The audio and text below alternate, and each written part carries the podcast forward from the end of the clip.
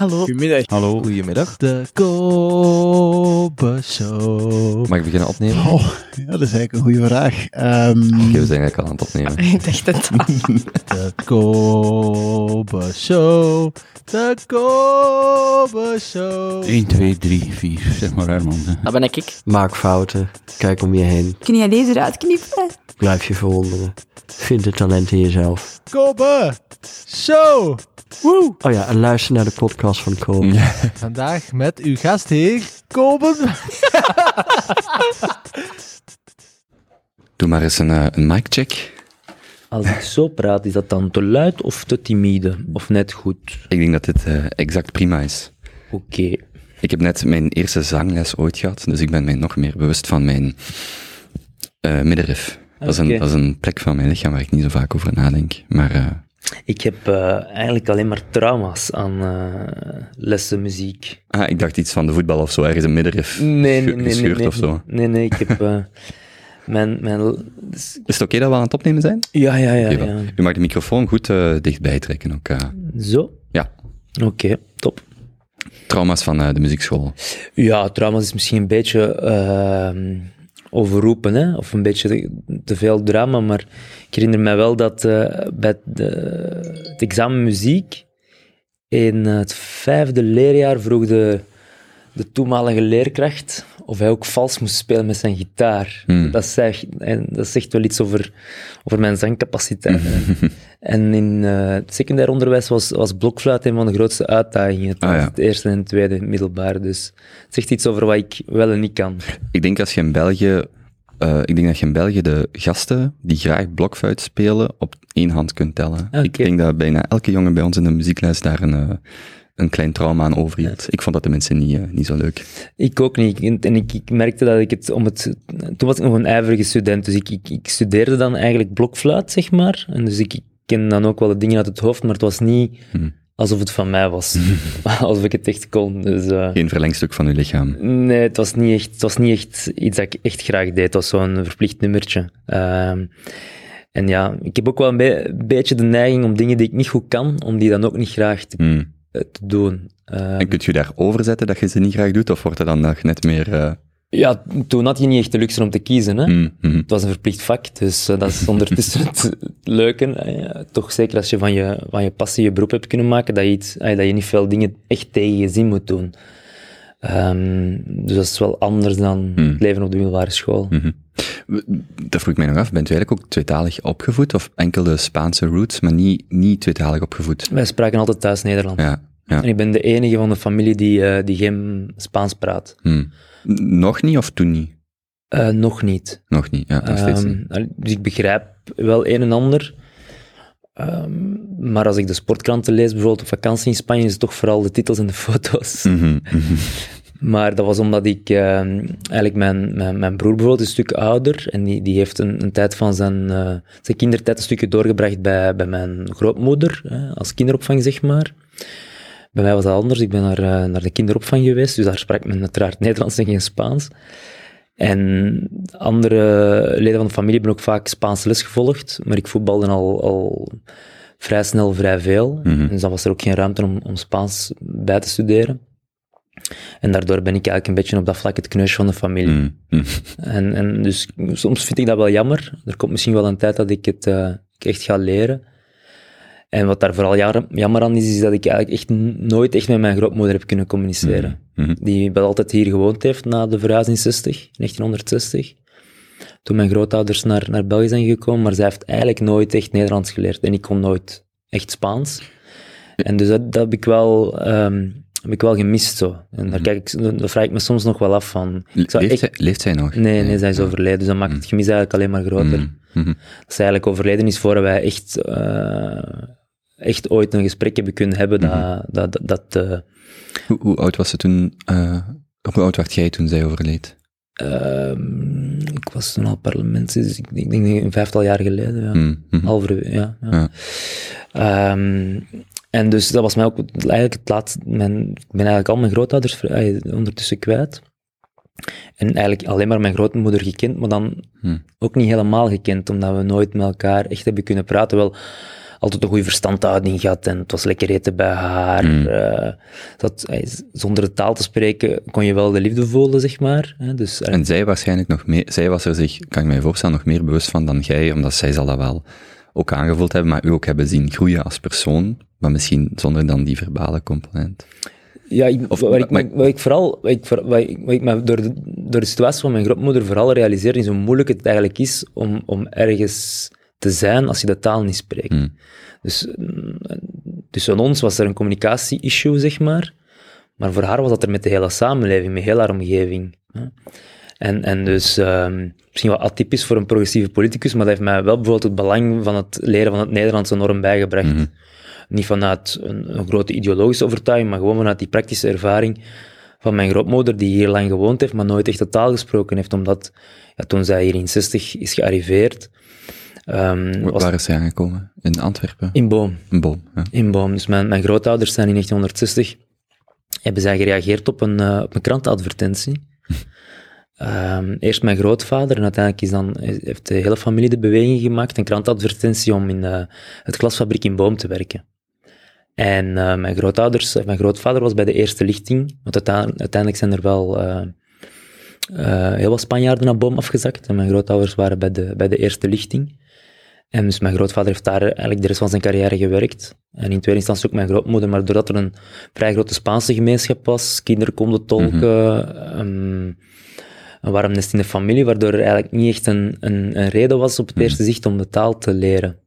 En dus, eh, dus waardoor ze eigenlijk tot het, tot het einde van haar leven in, in- voornamelijk in België woonde, eh, maar niet de taal sprak. En, en dat, het, is een gemis voor, voor onze relatie, zeg maar, ik denk dat, maar ik denk dat het vooral voor haar moeilijk moet geweest zijn als persoon. Nu, ik ben, als Genkenaar ken ik dus veel gelijkaardige verhalen waar ik dan de tweede, derde generatie heb leren kennen, of vrienden van mij zijn, en dat je inderdaad dan thuis kwam, en hadden die de nonna of eh, de grootmoeder, grootvader, die dan inderdaad gewoon geen woord Nederlands praat, praten, of... en Maar ze begreep soms wel meer dan ze liet uitschijnen. Dus Wel, ja, en, en wat ik ook denk, mijn, mijn grootmoeder is overleden toen ik 14 of 15 was. Ehm, ook heel jong, op haar 2 of 63ste. En aan de ene kant denk ik dan, ik vind het eigenlijk jammer dat er heel veel dingen zijn dat je niet, ook mijn andere, haar partner is eigenlijk ook vrij jong overleden. Aan de ene kant denk ik dan, dat is heel jammer dat je niet meer hebt kunnen delen, vanuit mijn perspectief. Maar tegelijkertijd denk ik dat ik ook niet mocht over, onderschatten hoeveel zij u wel heeft zien groeien, of dat Mm. zij mij of u. En dat daar ook, ik kan me voorstellen dat, dat daar echt wel nog een heel verschil op zit. Ik voel dan dat gemis van, god, er zijn zoveel dingen dat hè, want die Mm. woonden langs ons, wij zagen die heel vaak, zou nog over willen praten. Tegelijkertijd kan ik me ook wel voorstellen dat zij daar vrediger, meer dat zij als persoon daar vrediger in was dan ik als achterblijver, Ja. dus. En er is misschien ook wel een, een verschil tussen kleinkinderen en kinderen. Hè? Eh, dat je, van kinderen wil je alles hebben kunnen meemaken, terwijl bij, bij, Mhm. bij, bij kleinkinderen is het misschien toch een beetje anders. En ligt de verwachting ook niet per se daar dat je alles gaat meemaken, Voilà. gewoon omdat het Voilà. tijdsverschil te groot is. Voilà. En, dus, maar ik ben wel blij, ben wel blij dat ze bijvoorbeeld wel nog mijn verkiezing meegemaakt als Kamerlid. Ze was toen eh, helaas niet in goede gezondheid, dus ze heeft de eetaflegging niet kunnen bijwonen, wat ik achteraf bekeken eh, eigenlijk wel heel jammer vond, omdat eh, dat ik wel mooi had gevonden dat, dat ze dat had kunnen meemaken en dat ergens ook ja, de moed die zij hebben gehad in 1960 om, om hun lot in hun eigen handen te nemen, om een toekomst uit te stippelen voor hun kinderen en kleinkinderen, dat dat uiteindelijk Ja, dat er dan een kleinzoon zit die verkozen wordt, Ja. ik kan mij voorstellen dat dat wel... eh, Ik had, ja, ik had dat eigenlijk graag aan, aan haar getoond, omdat het eh, ook hun verdiensten is. Mhm. En het heeft, eh, mensen hebben wel eens een neiging om te denken dat ze, ze self-made zijn, of dat ze de dingen in eigen handen hebben genomen en dus ook zelf verdiend hebben. Het is allemaal wat genuanceerder en, en dus ja, de, de stap van mijn grootouders is, is way for life geweest. Hè. Is, is de, de stap naar België, naar Vlaanderen geweest, eh, de, de, de, de stap, de, de zoektocht ook naar, naar welvaart. ehm, mijn, mijn ouders die op hun beurt eh, weer heel wat dingen mogelijk hebben gemaakt voor mij en mijn broer, die, die voor hen voorheen niet mogelijk wa- waren. Dus ergens had zo de, mijn grootmoeder die de eetaflegging bijwoonde wel een, eh, Mm. een, een- extra bijzonder geweest. Ja, Was ze zich er bewust van? ja. ja. Dat wel, ja. Ze keek toen wel nog naar, naar, naar Villa Politica en vooral ook naar, naar toen heette dat Actua TV. Mhm. Nu is dat Vlaams Parlement TV geworden. Ehm, en, maar dus vroeger, toen het nog Actua TV was, eh, werd ook de Kamer uitgezonden.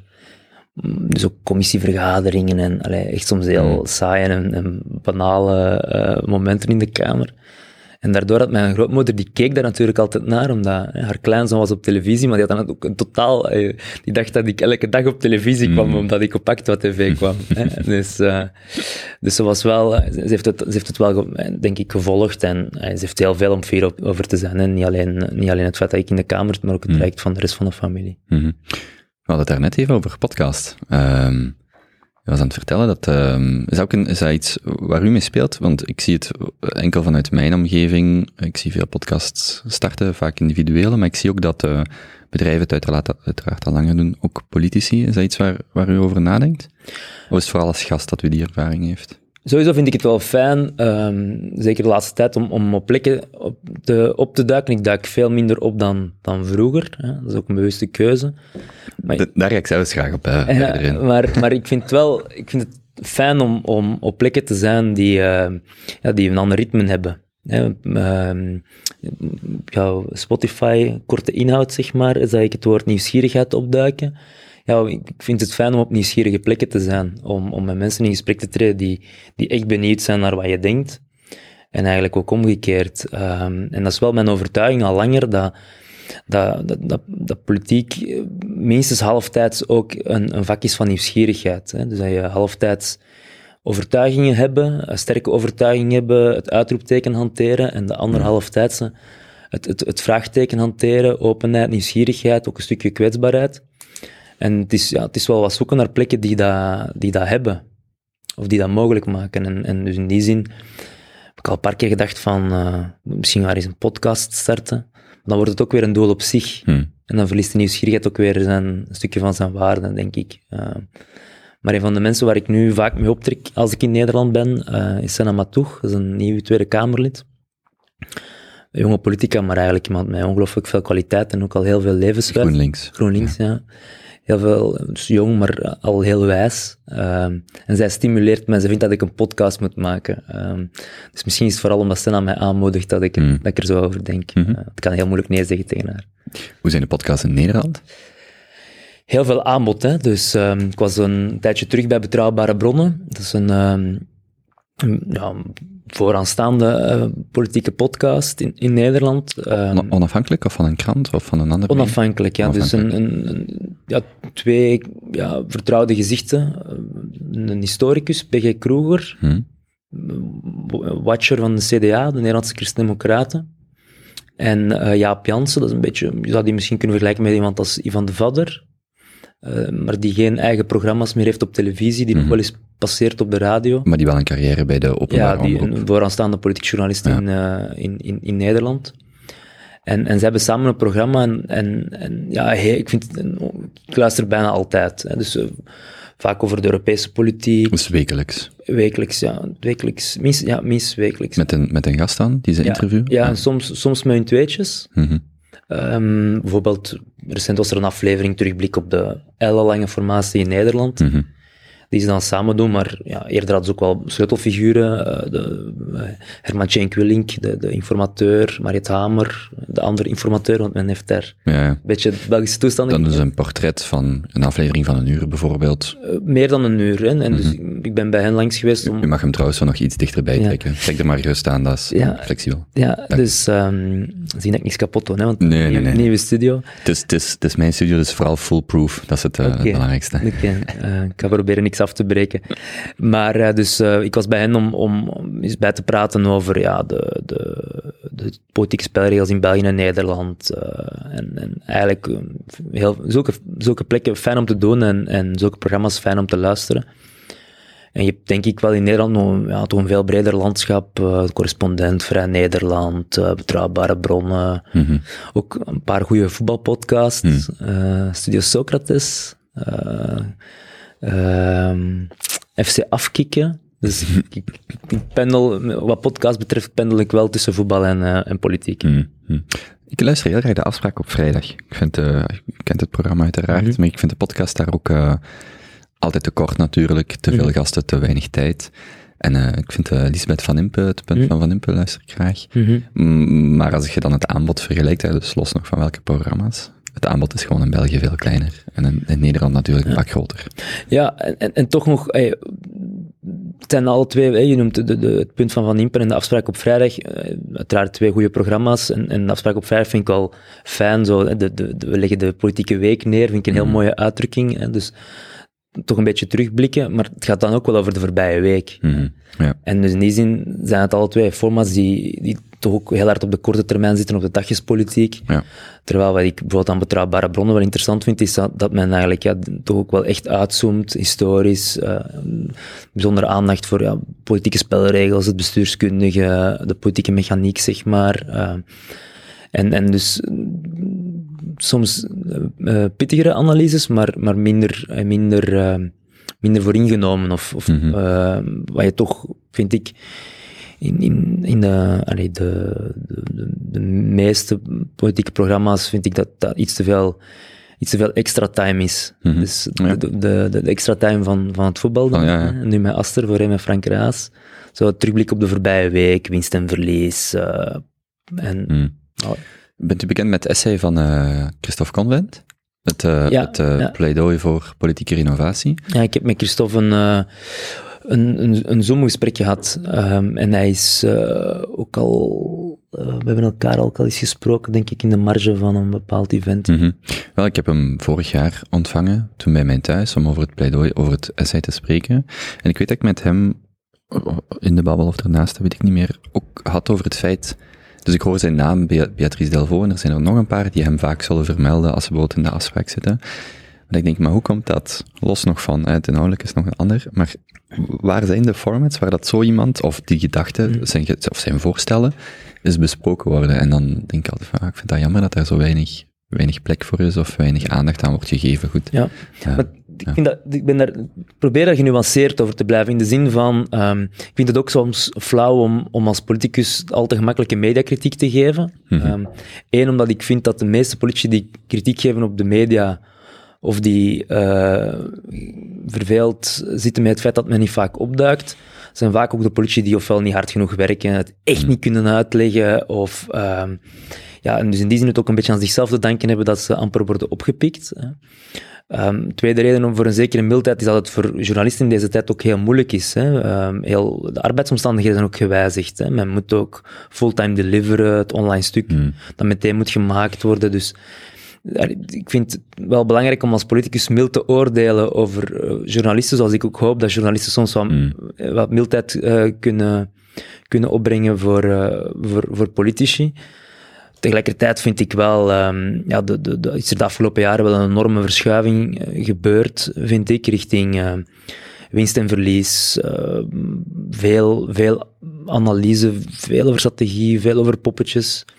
Heel weinig aandacht voor Ik bedoel, parle- in de politieke media. in de, in de, in de mediapolitieke berichtgeving, ja. Hmm. Heel weinig aandacht nog voor parlementaire politiek. Hè, dus eh, wat, wat spannend is, wordt altijd als belangrijk Hmm. ervaren, maar wat eh, echt belangrijk is, wordt nog zelden als spannend eh, gezien. En dat is toch een verschuiving die ontegensprekelijk is en, en waar ik ook wel kritisch over wil zijn. Ja. Hmm. Hmm.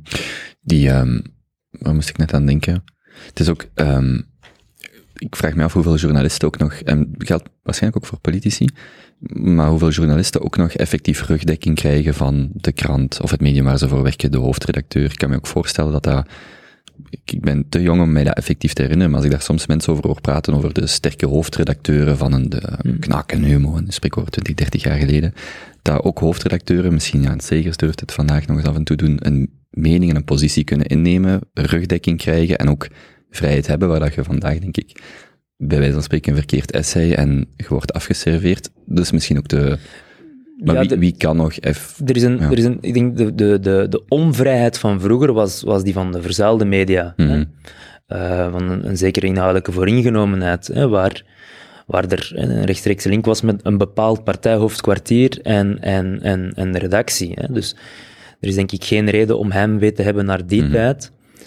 Alleen denk ik dat er een andere onvrijheid in de plaats gekomen is, en dat is die, de onvrijheid van de hele tijd te moeten produceren, de hele tijd te moeten schrijven, waardoor ja, je natuurlijk ook gewoon minder tijd hebt om, om te graven en, en te denken. En een onvrijheid waarin dat, ja, de, de, de, de hardnekkigheid ook waarmee soms politici inderdaad journalisten bejegenen, de aandacht waarmee bepaalde partijen ook bijvoorbeeld hè, bepaalde media in de gaten houden en dat ook letterlijk durven uitspreken, hè, bepaalde vijanden, en bepaalde media echt tot vijand uitroepen. Ja, dat is natuurlijk, dat is, dat is wel nieuw, Mhm. denk ik. Hè. Eh, en dus ik denk, eh elke, elke tijd heeft zijn, zijn, zijn kwalen. Ehm, ik denk niet dat we heimwee moeten hebben naar de, de verzuilde, vooringenomen krant van, van, van destijds. Maar dat het vandaag soms ook moeilijk is om journalist te zijn, daar ben ik, eh, daar ben ik het, eh, ben het geneigd om het daarmee eens te zijn. Ja. Is het vandaag makkelijker voor u om te communiceren dan pakweg vijf jaar geleden? Naar uw eigen gevoel, uw ideeën de wereld in te zetten? ehm, Goh, het is moeilijk te vergelijken. Allee, dus ik, ik denk dat er zeker een beweging ehm, bezig is richting een versnelling, een absurde versnelling en ook een, een, een te- ontegensprekelijke verharding. Hè? Ehm, dat er een beweging van ja, toch een stukje de, de, de parlementaire commissie, het, het plenum, richting, ehm, ja, richting de, de, de, de permanente opiniëring, eh, de politieke aandelenkoersen op Twitter, die, die elke Mhm. dag eh, op en neer gaan. Die beweging is, eh, is denk ik ontegensprekelijk. Ehm, en dus ik ben wel geneigd om te zeggen dat het hangt er een beetje vanaf welke rol dat je opneemt. Want ik, in alle eerlijkheid, ik, ik vind dat ook niet zo erg om heel veel dingen niet meer te doen. Mhm. hè. Ehm, maar ja, ik denk dat het wel vandaag moeilijker is om, om, om, zichtbaar parlementslid te zijn. Dat het moeilijker is vandaag om partijvoorzitter te zijn. Dat het mo- zeker moeilijker is om, eh, om minister te zijn dan 20 en, en zeker dan 20, eh, dan 30 of 40 jaar geleden. Hmm. Ik las ergens in de coronaperiode las ik een interview met Celie de Hane, de, de, de vrouw van Weile De- Jean-Luc de ja, Hane, dus de ja, weduwe van Jean-Luc de. Hane. En die zei ergens, hadden we, hadden we, hadden we in deze coronacrisis maar een Jean-Luc de Hane gehad. Hmm. hè.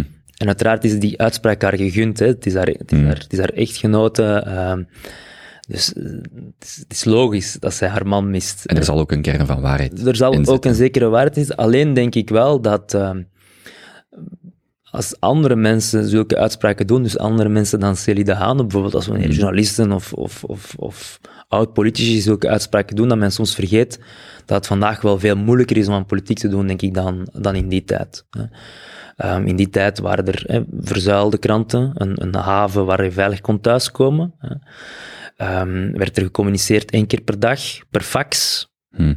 Hmm. Ehm, bedoel, dan, is het mak- dan is het makkelijk om geen commentaar te geven. Hè? We zijn geëvolueerd van een, van, een, van een situatie geen commentaar naar, naar een situatie waarin dat je permanent commentaar moet En geven. live tweeten zei het. eh, En, en, en omdat je het een stukje zelf wilt, maar ook omdat je eigenlijk een stukje gedwongen wordt om op die manier te, te functioneren.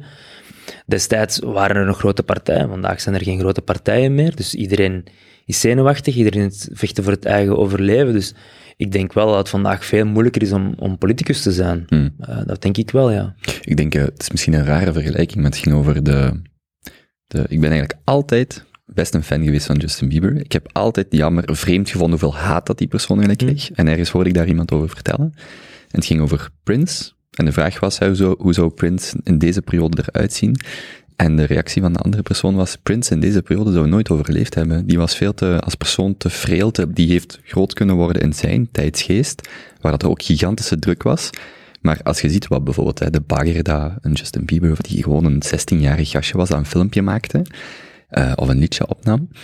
En toen, ik heb dat een paar jaar geleden voor de eerste keer gehoord, en dan dacht ik ook wel, ja, het is heel gevaarlijk om inderdaad uit een bepaalde tijdsgeest iemand te nemen en te zeggen, "Wel, zo iemand hebben we vandaag nodig, want de spelregels zijn volledig anders. Als jij je gsm open doet en je hebt duizend berichtjes van, jij bent de grootste idioot ter wereld, ja, dan kun je nog steeds getalenteerd zijn, maar dat is wel heel anders dan twintig jaar geleden gewoon het in de krant te lezen en die weg te leggen, bij wijze van spreken.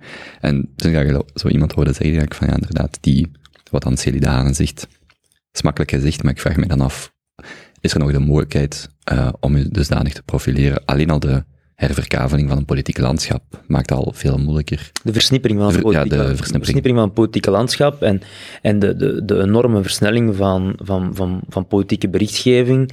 Zit dan in de Belgische context ook nog met een enorme versnippering van, eh, van bevoegdheden. Hè?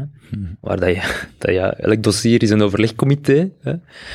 Ehm, dus dat maakt het wel, eh, wel, wel moeilijk. En voor mij zit er iets heel belangrijk in jouw vraag. Met name ehm, het belang van spelregels. Hè.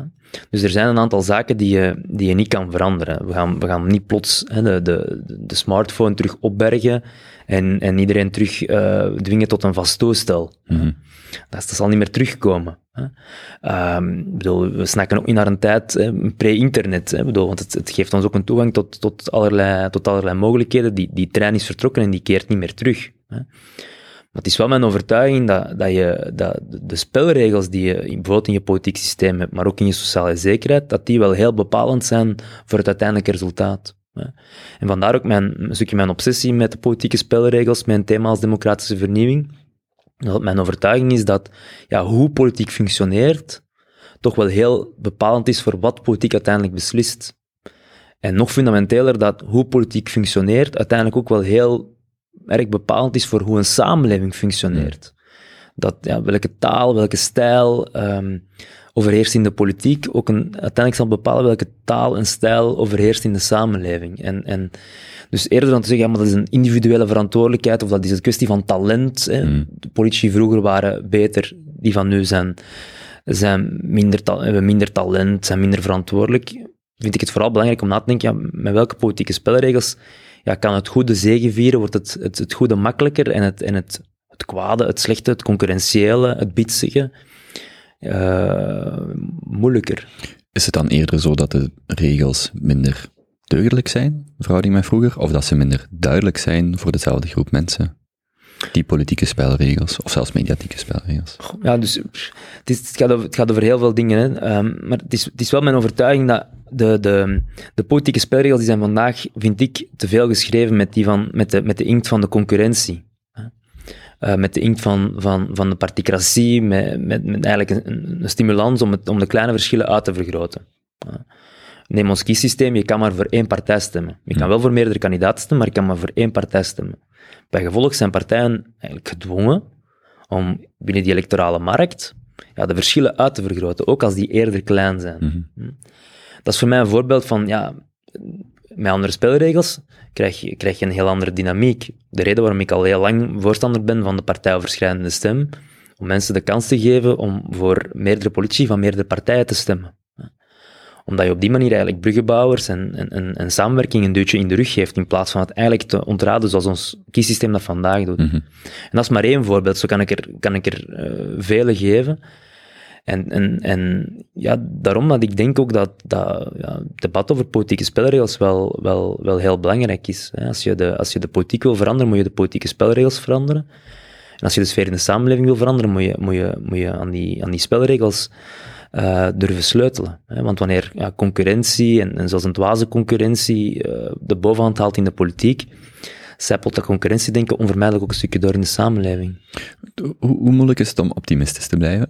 Of hoe nat- bent u van nature vrij optimistisch? Ik, eh, Want dat is altijd de kip en het ei probleem in België, of tenminste vanuit mijn perspectief. We willen iets veranderen, maar het is zo moeilijk om iets te veranderen. En daarom willen we iets veranderen, maar het is zo moeilijk om iets te veranderen. Eh, Twee dingen daarover. De, ik denk dat het Gramsci is die zei, pessimistisch van reden, optimistisch van wil. Ehm, en iets anders, ehm, een belangrijk onderscheid, ik denk dat dat Václav Havel was. Ehm, eh, misschien moeten we, dat is ook, ook een dichter in de politiek, misschien hebben we wat meer poëten nodig in de Hmm. politiek. Die, zei, die maakte het onderscheid tussen hoop en optimisme.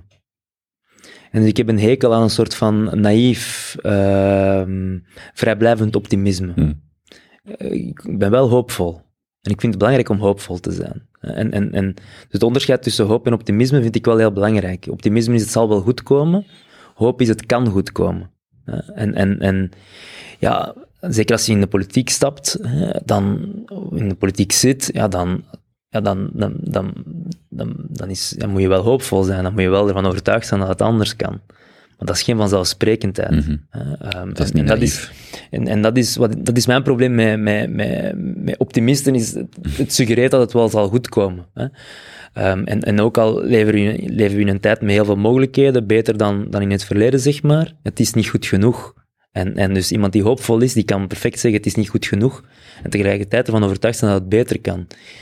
Optimisme is, werkt een stukje ontradend, hè, omdat het ja, eigenlijk op een of andere manier vrede neemt met wat is, of ervan uitgaat dat het wel beter zal worden. En het wordt niet spontaan beter. Daarvoor is er ja, strijd, samenwerking ehm, eh, nodig. Het zal niet vanzelf gebeuren.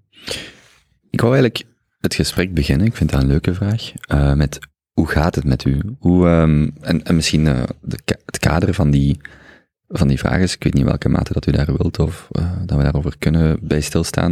Je hebt de verkiezingen van 19 gehad, dan uw beslissing om een stukje een stap terug te zetten, de verdieping bij, bij GroenLinks, het wetenschappelijk bureau. En eh, de befaamde clip dan met de, de, de bedrijfswagens, waar ik van vond als buitenstaander, los nog van mijn inhoudelijke mening, dat u daar best hard bent aangepakt, Mhm. op veel vlakken. Dan is er de hele ehm, onderhandeling geweest over de verkiezingen, al dan niet de ministerpost en dergelijke, allemaal oude dingen. Maar ik heb lang met het gevoel gezeten, opnieuw los van het inhoudelijke, dat daar, ja, dat dat hard was. Dat ik vooral dacht, maar, dus als ik u terug uitnodigde, hoe gaat het eigenlijk met u? Hoe zijn die, hoe zijn sinds die periode, sinds die laatste twee jaar, waar bent u mee bezig? Eh, waar, waar focust u op? Hoe kijkt u daarop terug in de mate dat u dat zou willen doen? Hoe, ehm, dat komt eigenlijk vanuit een bepaalde gewoon open interesse naar iemand die geëngageerd is, die volgens mij hard is aangepakt. En, en als, eh, opnieuw, mijn mening. Ehm, en gewoon een open vraag, hoe, hoe, is het ermee? Eigenlijk wel goed, ja. Ehm, ik ben eh, ook op persoonlijk vlak heel gelukkig op dit ogenblik. Ehm, en, en op professioneel vlak, ja, er zijn, ik denk dat, het al, dat, dat er in een professioneel, professioneel leven altijd periodes zijn van versnelling en van verdieping. Ik heb een lange periode gehad van versnelling en er is er nu eentje van, eh, van verdieping en dat is soms wel, eh, wel wennen geweest, maar ehm, ik voel me er eigenlijk nu wel, eh, wel goed bij. Hè? Dus ik ben veel minder belangrijk en veel minder relevant dan, laten we zeggen, twee, drie jaar geleden. Ik ben zeker ge- gezakt in de, in de politieke hiërarchie. Maar ja, ik, in alle eerlijkheid, ik denk dat ik vandaag een betere politicus ben dan twee, drie jaar geleden. Ehm, misschien net omdat er ondertussen in mijn leven ook meer is dan politiek. Er is altijd wel meer geweest dan politiek in mijn leven, maar ja, ik heb toch wel een beetje mijn prioriteit beter op orde, denk ik. En, en ehm, net, als je weet, net als je beter of meer beseft dat er meer is dan de wedstrijd of meer is dan de politiek, denk ik dat je ergens ook wel ja, beter bent als politicus, dat je evenwichtiger bent als politicus. Dus ehm, dat klinkt misschien wel ja, nogal rationeel of zo, het antwoord op, op, op jouw vraag, maar ehm, ja, het gaat wel goed doen. Ik, ik, ik heb ook de afgelopen tijd wel veel bijgeleerd en ik probeer ook niet... ehm, er zijn echt moeilijke momenten geweest, eh, ook momenten echt van, van, van vermoeidheid en verdriet. Maar tegelijkertijd ben, ben, ben ik nog altijd een zondagskind. Hm. En dus, dus dat, dat vind ik altijd moeilijk. Ehm, zelfs nu naar aanleiding van jouw vraag, in, in een relatief veilige context, eh, nee, in een veilige context, Hmm. hè, in, in, een, in een nieuwsgierig gesprek, vind ik het altijd moeilijk om, om, om, eh, om te veel terug te blikken of, of, of expliciet te maken wat ik geleerd heb, of expliciet te maken wat ik, wat, welke momenten mij pijn hebben gedaan en waarom omdat het dan zo lijkt alsof ik ja, klaag en zaag, terwijl ik Hmm. eigenlijk alleen... Ik zit in een bevoorrechte positie. Ik, ik heb van mijn, van mijn passie mijn beroep mogen maken. Ik ben vandaag een van de 150 Kamerleden. Oké, ik ben geen minister, ben geen partijvoorzitter, ben geen fractievoorzitter meer, maar ik ben wel nog altijd een van de 150 Kamerleden. Dat, dat is een privilege op, op vele vlakken. En dus dat, dat vind ik soms moeilijk, want ergens vind ik het belangrijk en nuttig om, om een stukje terug te blikken en, en eigenlijk bepaalde momenten af te doen als totaal onbelangrijk en, en andere momenten die, waar ik eigenlijk veel uit geleerd heb of die voor mij belangrijker waren ook eens te benoemen. Hè, want in de meeste interviews raakt men dan inderdaad niet verder dan, Mhm. dan het fragmentje op de, op de afspraak over de bedrijfswagens. Maar het is altijd mijn zekere schroom, omdat het ook zo lijkt op, ja, allee, klagen en zagen. En, en die indruk wil ik helemaal niet wekken. Omdat ik, ik, ben, ik, allee, ik, ik doe heel graag wat ik, wat ik doe. Eh, en, en, en ik ben, ik ben professioneel ben ik, ben ik bevoorrecht. eh, maar ik ben ook omringd door allemaal mensen die mij graag zien. Eh, ik heb mijn beide ouders dat is bijvoorbeeld iets waar ik eh, persoonlijk Mm. heel belangrijk vind, waar ik echt soms enorm veel angst van heb om, om, om een van hen kwijt te spelen. Dus als je dan bilan maakt, ja, ook al zijn er wel dingen misgegaan of, of dingen die ik graag anderen had zien lopen, dan, dan wil ik absoluut niet de indruk wekken dat ik, eh, dat ik ergens over mag klagen. Maar was die periode dan nodig om, rust, om daarin te groeien? Of, of had het ook zonder je kunnen? Ik ben soms Het is natuurlijk een, een vraag waar geen... Nee, maar ik, ik, ik ben soms... Ben, ik, ik, ehm, uiteindelijk, mensen, ik denk dat mensen wel weten dat ik had, ik, ik had een heel grote ambitie. Hè. Eh, en ik heb eigenlijk nog altijd een heel grote ambitie. Ehm, ik, kan heel veel ik heb heel veel respect voor mensen die, die, die aan maatregelenpolitiek doen, of, of mensen die, die heel sterk zijn in beheer. Eh, ik vind dat belangrijk, maar mijn ambitie is altijd geweest de politiek opschudden, Hm. het landschap op stel te zetten, eh, van Groen een progressieve volkspartij maken, de ontmoetingsplaats maken van progressief Vlaanderen. Ehm, en ik ben, ben, ik ben, ben, dat dat niet gelukt is, ben ik voor bepaalde dingen, ben ik van de afgelopen tijd ben ik kwaad op anderen, maar ik ben vooral kwaad geweest op mezelf. Dat ik eigenlijk zorg, een beetje onzorgvuldig omgesprongen ben met dat potentieel. Ehm, dat, dat mij heb laten meeslepen, ook veel te veel bijvoorbeeld in het, in het gevecht. Hm. Ehm, dat, dat, op bepaald moment leek het, bijvoorbeeld het gevecht tussen, tussen Groen en N-VA, leek, leek een, een, een beetje een doel op zich. Hè? En daar een beetje roekeloos in meegestapt. En dan moet je ook gewoon vaststellen dat een groene partij kan dat niet winnen van, van die machine.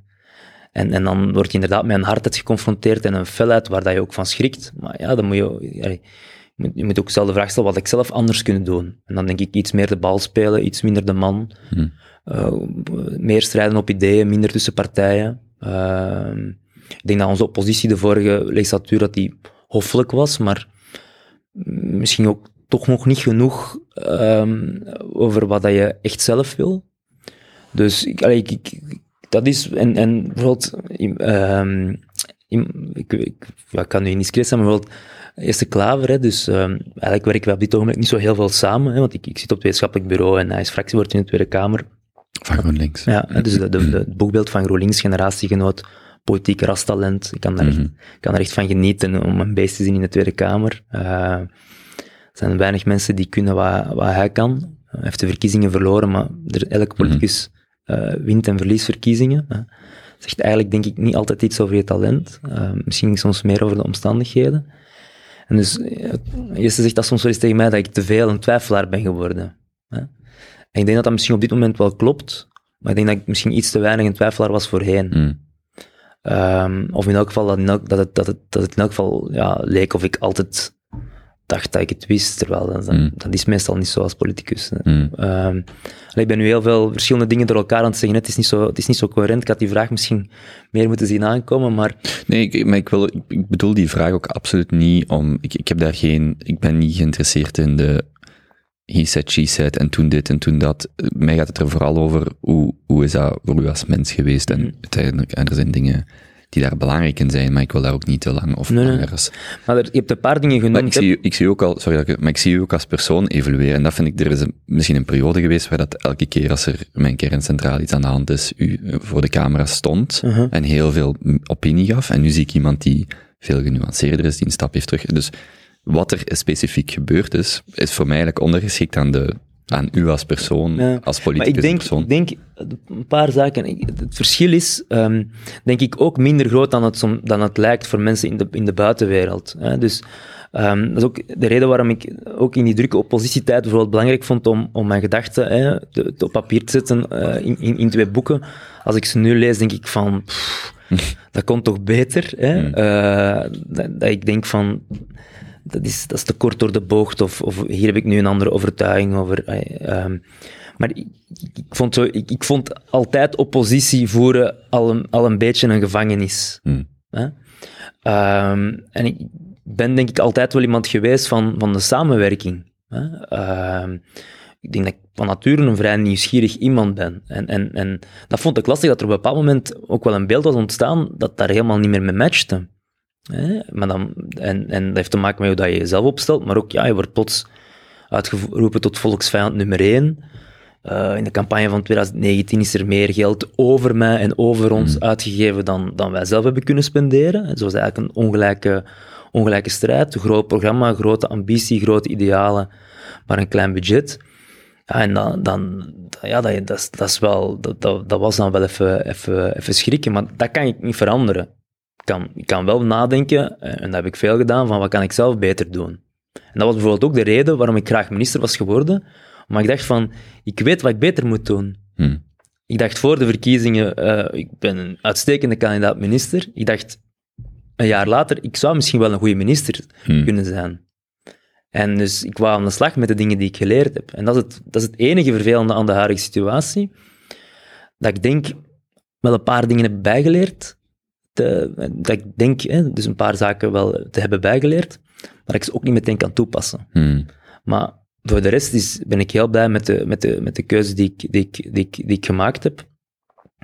En, en dus soms mis ik wel wat impact, maar wat ik helemaal niet mis is het podium. Mhm. Dus ik vind echt, pff, ook als je dat een tijdje gedaan hebt, allee, bedoel, als fractievoorzitter, elke ochtend eh, kijken wat staat er op pagina 1, op de bel gaan knokken, kijken of het de online kranten haalt, dat we de online kranten zien wegzakken, proberen s'avonds er ter zaken op de Hmm. afspraak te zitten. Pff, Dat, heb ik- dat, dat mis ik eerlijk gezegd niet. Mhm. Ik mis soms wel, bijvoorbeeld wat ik graag deed als fractievoorzitter, was ook ja, die, die ploeg leiden. De ploeg opstellen ook wel een beetje. Hè? eh, impulsen geven.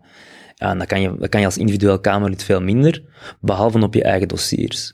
En dat is het fijn. Ik, ben, ik voel me vandaag meer Kamerlid dan toen ik fractievoorzitter was. Mhm. Ik voel me vandaag veel meer volksvertegenwoordiger. Ik, ik, ik schrijf wetgeving. Ik lees de stukken die ik voorstel in de commissie. Ehm, ik heb terug tijd om met academici, met experten te praten. Hè. Als er een hoorzitting met experten wordt georganiseerd in de commissie, ja, dan ben ik er. Hè. Dus Mhm. mensen zien mij niet meer op donderdag, op het vragenuurtje. Ik heb het vorige week nog gemerkt, als ik mijn verjaardagsfoto post, waren er een aantal reacties van, we zien u niet meer, we missen u. Niet iedereen, en veel te weinig, Mhm. vooral duidelijkheid. Hè. Het waren er geen honderden die dat zeiden. Hè. Maar dat is, ja, vroeger was er het vragenuurtje, dat was mijn wekelijks hoogtepunt, en nu is mijn, mijn hoogtepunt de Kamercommissie Grondwet. Mhm. Eh, dat is helaas niet wekelijks, want ze komt helaas niet wekelijks samen. Vind ik, vind ik doodjammer. Ik, ik, ik, eh, ik werk denk ik mijn collega's wat op de zenuwen, maar ik graag zou hebben dat het ritme daar wat hoger ligt. Dus het is gewoon een andere opdracht. Ehm, en nu heb ik het alleen over het politieke, maar ook als mens, ja, denk ik dat het ook logisch is dat je anders in het leven staat als je 35 bent dan wanneer dat je 25 bent. Mhm. Ehm, Ach- Achteraf bekeken, goh, ik wou eigenlijk vragen of het een zegen was om, om, om zo jong erin te stappen, maar eigenlijk is dat, eh, ehm, eigenlijk is dat niet de, de juiste vraag om te stellen.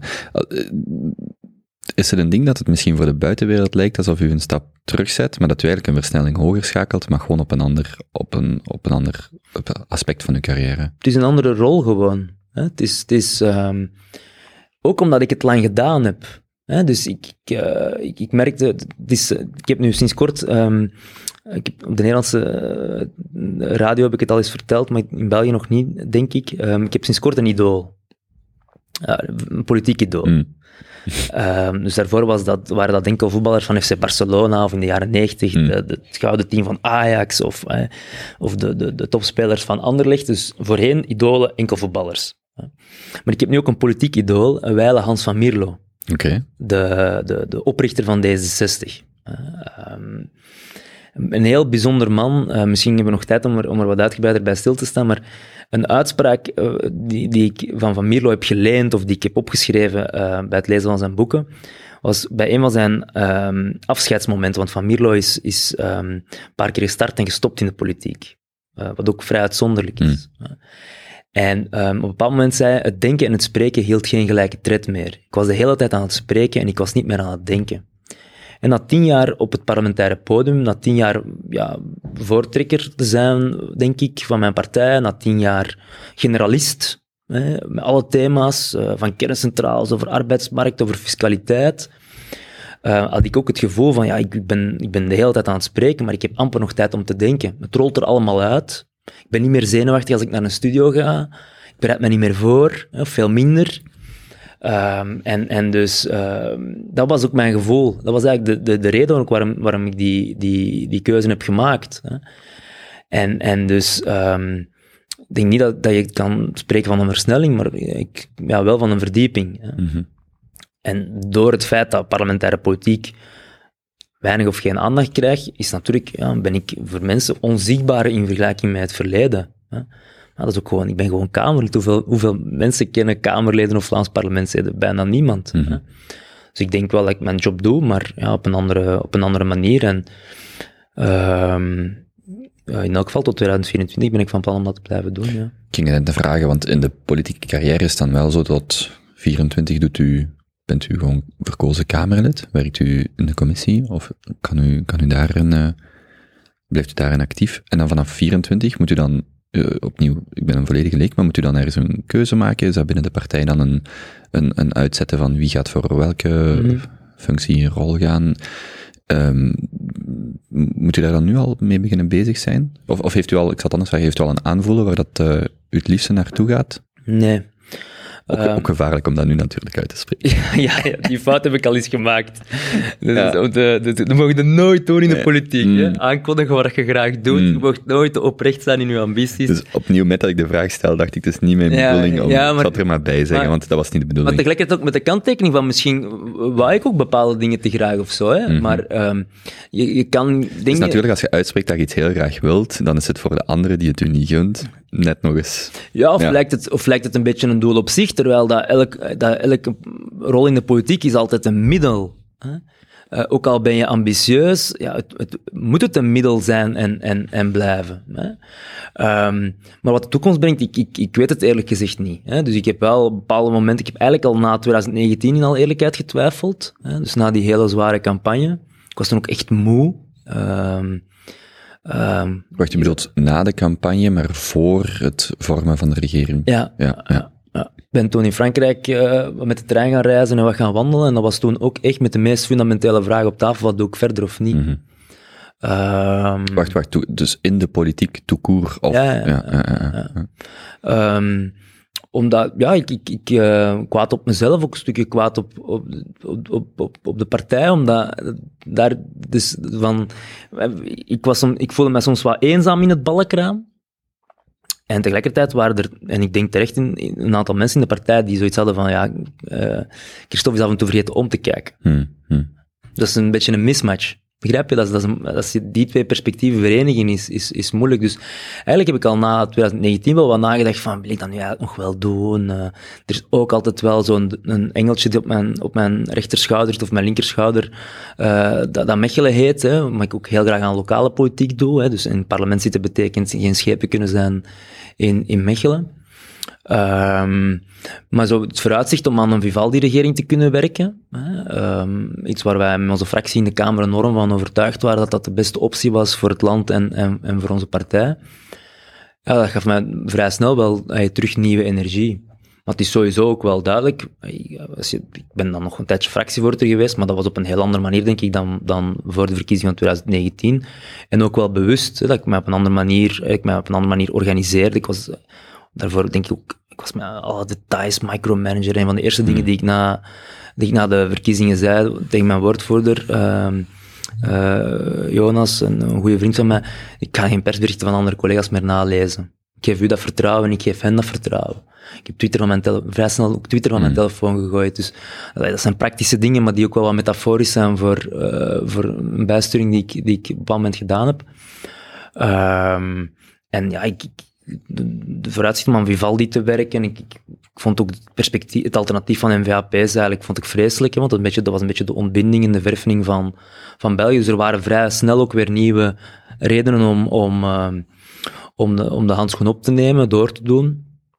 Ehm, en, en dus in die zin is er wel een lange periode geweest van, eh, van niet, niet aaneengesloten periode, maar een lange periode van twijfel en, en die is wel weg. Hm. Uh, maar ik doe graag wat ik nu doe en ik doe tot 2024 en daarna zullen we, zullen we, zullen we wel zien. En um, ook omdat ik oprecht vind van ja, als je dat mag doen, dan mag je niet, niet de hele tijd twijfelen. Hm. Anders ben zijn je een, zijn een verwend kind. Zo'n beetje als, als, als, als, alsof je speelgoedkamer vol staat met allemaal leuke dingen en je zaagt over de, ey, Mm. over de dingen die niet kunnen of de di- dingen die je, die, die, die je dan niet krijgt of zo. Dus, uh, dus daarom ook, we zijn er nu weer heel, ik realiseer me dat we, er, dat we er al veel voor aan het praten zijn, maar altijd met de belangrijke boodschap van ik wil, ik, ik, ik wil echt geen, ik wil geen, geen, geen zagen wensen. Ik wil niet zagen of klagen. Ik, ik doe graag wat ik, wat ik, uh, wat ik nu doe, maar ja, ik heb wel, denk ik, er is wel veel veranderd sinds, sinds, uh, sinds 2019. Ja. De beslissing om,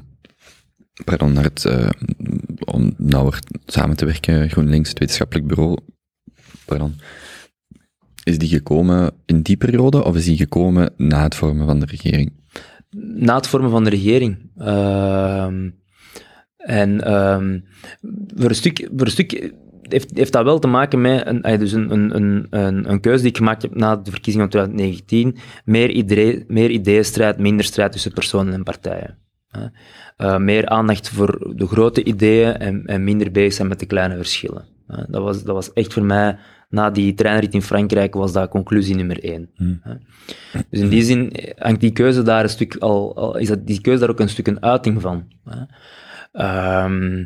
En, en, en twee, ja, het was eigenlijk heel toevallig. eh, een aantal generatiegenoten eh, van, van GroenLinks wisten eigenlijk dat ik een stukje aan het nadenken was en, aan het zoeken was.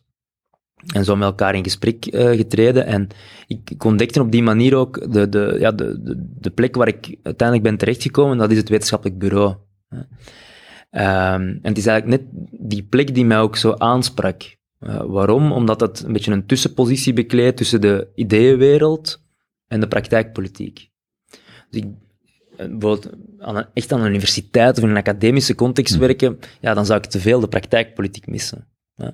Maar praktijkpolitiek, ja, bon, dat kan ik, kan ik hier in België voltijds doen, daar kan ik mij in uitleven. En, en ja, dat, dat is ook een omgeving die ik, die ik relatief goed ken, zeg maar. Ik moet er nog in beter worden, maar bon, die omgeving die ken ik. Maar die tussenpositie, die tussenruimte, ja, die vind ik interessant. Dus ik geloof ook heel sterk in het model van de wetenschappelijke bureaus zoals die in Nederland bestaat, waar partijen ook een aparte gegarandeerde financiering voor krijgen om het inhoudelijk kwetsbare te beschermen. Want als je dat niet apart financiert, dan worden daar ook geen middelen voor, voor vrijgemaakt. Ja, kan u dat kort duiden wat eh, de rol van een wetenschappelijk bureau is binnen de Nederlandse politiek? Het verschilt een beetje van partij tot partij, maar allemaal zitten ze in die tussenpositie. Hè, tussen, tussen de ideeomgeving, academische middenveld aan de ene kant en de partij aan de andere kant. Dus ze zijn, ehm, ze, zijn, ja, ze zijn onafhankelijker dan bijvoorbeeld onze studiediensten. Eh, maar ze staan wel veel dichter bij beleid en politiek dan ja, een gewone denktank of, of middenveld of een, of een leerstoel op de universiteit. hè. En dat is een beetje ambigu. Hè. Ehm, maar ik, ik geloof net dat die tussenpositie in die ambiguïteit de, de, de, de sterkte is. hè. En, en die wordt ook gefinancierd vanuit... Een deel van de. Nederlandse partijfinanciering wordt geoormerkt voor de wetenschappelijke instituten. En is die ehm ehm pro rata afhankelijk van verkiezingsresultaten, of is Ja. die voor elke Ja. partij hetzelfde? Ja. Nee, ja. Dat, dat, pro is, dat is een beetje het, het, het, eh, het spijtige, omdat Ja. ja. de ene denktank is ook veel eh, dynamischer dan, eh, dan de andere. En dus, eh, ja, zo is er die mogelijkheid ontstaan. En, en ja, ik, ik, dat is een, ik was altijd wel al ge- geboeid door de, door de Nederlandse politiek, een stuk door generatiegenoten zoals Jesse, die dan, hè, die dan daar ook een, een, een, een hoofdrol eh op eisten. Eh, maar ook, ja, je hebt, je hebt daar één parlement, sterker lokale besturen, veel minder particratie dan, dan bij ons. Het is, het is helemaal niet perfect, daar komen we misschien nog op, maar eh, ja, dus ik had altijd wel al een bijzonder interesse in, in Nederland. En, en het is ook een, een, combinatie die, die praktisch mogelijk was. Hè. Ik sta sneller in Den Haag vanuit Mechelen dan, dan ik in Yper of in Beringen sta. Mhm. Ehm, dus in die zin, op het moment dat ik die keuze maakte, waren er ook een aantal kritische stemmen van bijklussen in het buitenland. Ja, ik bedoel, mijn denken stopt niet in, in, in Baarle-Hertog. Bedoel, bedoel, vanaf Baarle-Nassau kan ik, kan, ik, kan ik ook denken en werken en, en bezig zijn met de toekomst van, eh, van ons land. En is ook altijd wat ik gedaan heb met Ecolo bijvoorbeeld. Dus ik heb dat jaren gedaan met Ecolo. Ik vond dat eigenlijk buitengewoon boeiend om een vertrouwde omgeving, maar toch een beetje anders. Een verplichting tot creativiteit, een verplichting tot nieuwsgierigheid. Ehm, en en ja, nu, ik heb heel lang naar onder gekeken, zeg maar. Eh, en, en, en nu kijk ik een tijdje naar, naar boven, naar onze noorderburen. Was het, was het duidelijk toen u daar begon? Wat, eh, was, de, was er een bepaalde invulling voor die periode bij het wetenschappelijk bureau? Of was dat hier een soort van, eh, ja, ik wil bijna stage zeggen, maar dat klinkt zo wat... Erasmus. Erasmus zonder, zonder bieren, zonder feestjes. Mm, eh, mm. dus, eh, nee, het is, het is, ik, ben, ik heb nu regelmatig, ik, ben, ik heb een paar stukken geschreven. ehm, ik, heb, ik doe een aantal trainings en workshops voor hun, voor hun wethouders. Dat zijn de schepenen in, in Nederland, naar aanleiding van de gemeenteraadsverkiezingen. Ehm, ben, ik heb nu een, een reeks opgezet voor eh, van online gesprekken, doendenkers. Hè, niet met de M, maar met de N van naarstig en nieuwsgierig. Een format waar ja, denkers, eh, bijvoorbeeld Bas Heijnen, Marian Minnesma, Bas Heijnen, auteur van, nee, de, Sander Heijnen, de auteur van Fantoomgroei, Marian Minnesma, de, de, de nummer 1 van Urgenda, de klimaatzaak van Nederland. Uh, zulke mensen in gesprek treden met een bestuurder van GroenLinks, met de Tweede Kamer als moderator. Hmm. Ik denk dat je, dat je meteen ook de, een aantal stokpaardjes herkent, hè, de, de brugfunctie Hmm. tussen de ideeënwereld en, en de praktijkpolitiek. Tegelijkertijd de Tweede Kamerlid als moderator. En niet alleen het uitroepteken, maar ook het vraagteken. Dus ik heb, ik heb zo'n aantal projecten. ehm, geen dwingende of grote verantwoordelijkheden. En vooral duidelijkheid, ik ben een aantal dagen per maand in, in Den Haag. Eh, ehm, mijn, de meeste van mijn activiteiten zijn in, in Brussel en in Mechelen. En zo bewegen in die driehoek, Brussel, Den Haag, Mechelen, vind ik wel, eh, vind ik wel fijn.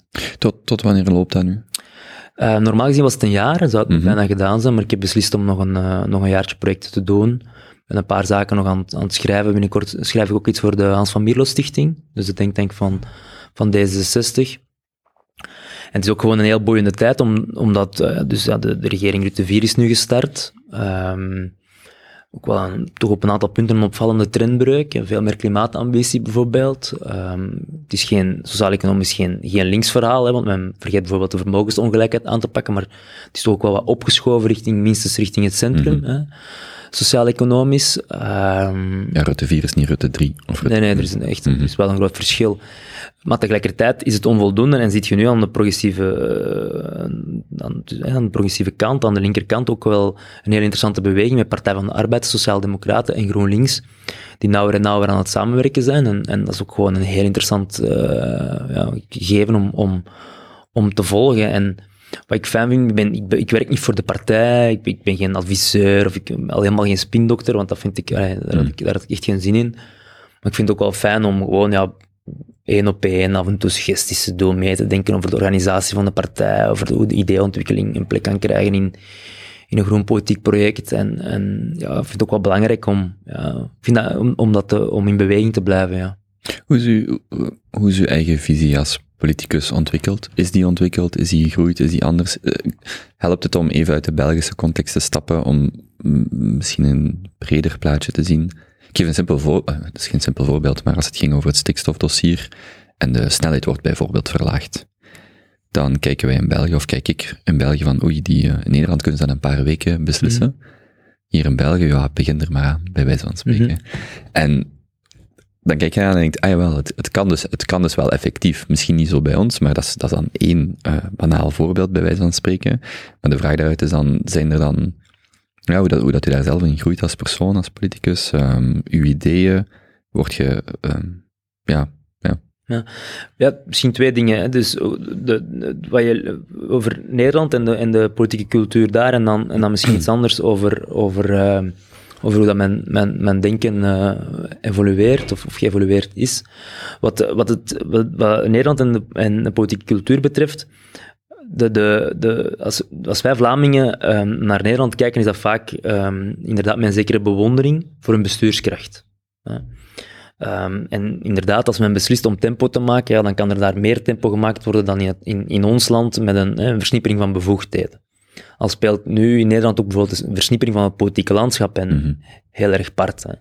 Een vierpartijencoalitie is naar Nederlandse normen bijvoorbeeld, ja, dat is een heel brede coalitie. gelijk in Duitse normen. Ja, ja. De Duitsers nu ook, die met drie partijen gaan besturen, dat is voor hen ook Hm. verschrikken. Wat gebeurt hier? Ja, wat gebeurt hier? Dat is, dus, en, wij denken van, mij dat is behoorlijk compact en... Drie eh, of vier, dat en- zouden wij ook en- moeten en- doen. En coherent, hè. Dus, en, dus, dus, en eigenlijk geef je een heel goed voorbeeld. En inderdaad, hè, stikstofproblematiek. En, en ondanks dat de, de ja, ehm, snelle wegen en gas geven eigenlijk historisch echt een punt was van de VVD... Ehm, toch iets donkerblauwer dan, dan het gemiddelde bij, bij de Open VLD bij ons, zeg maar. Hè.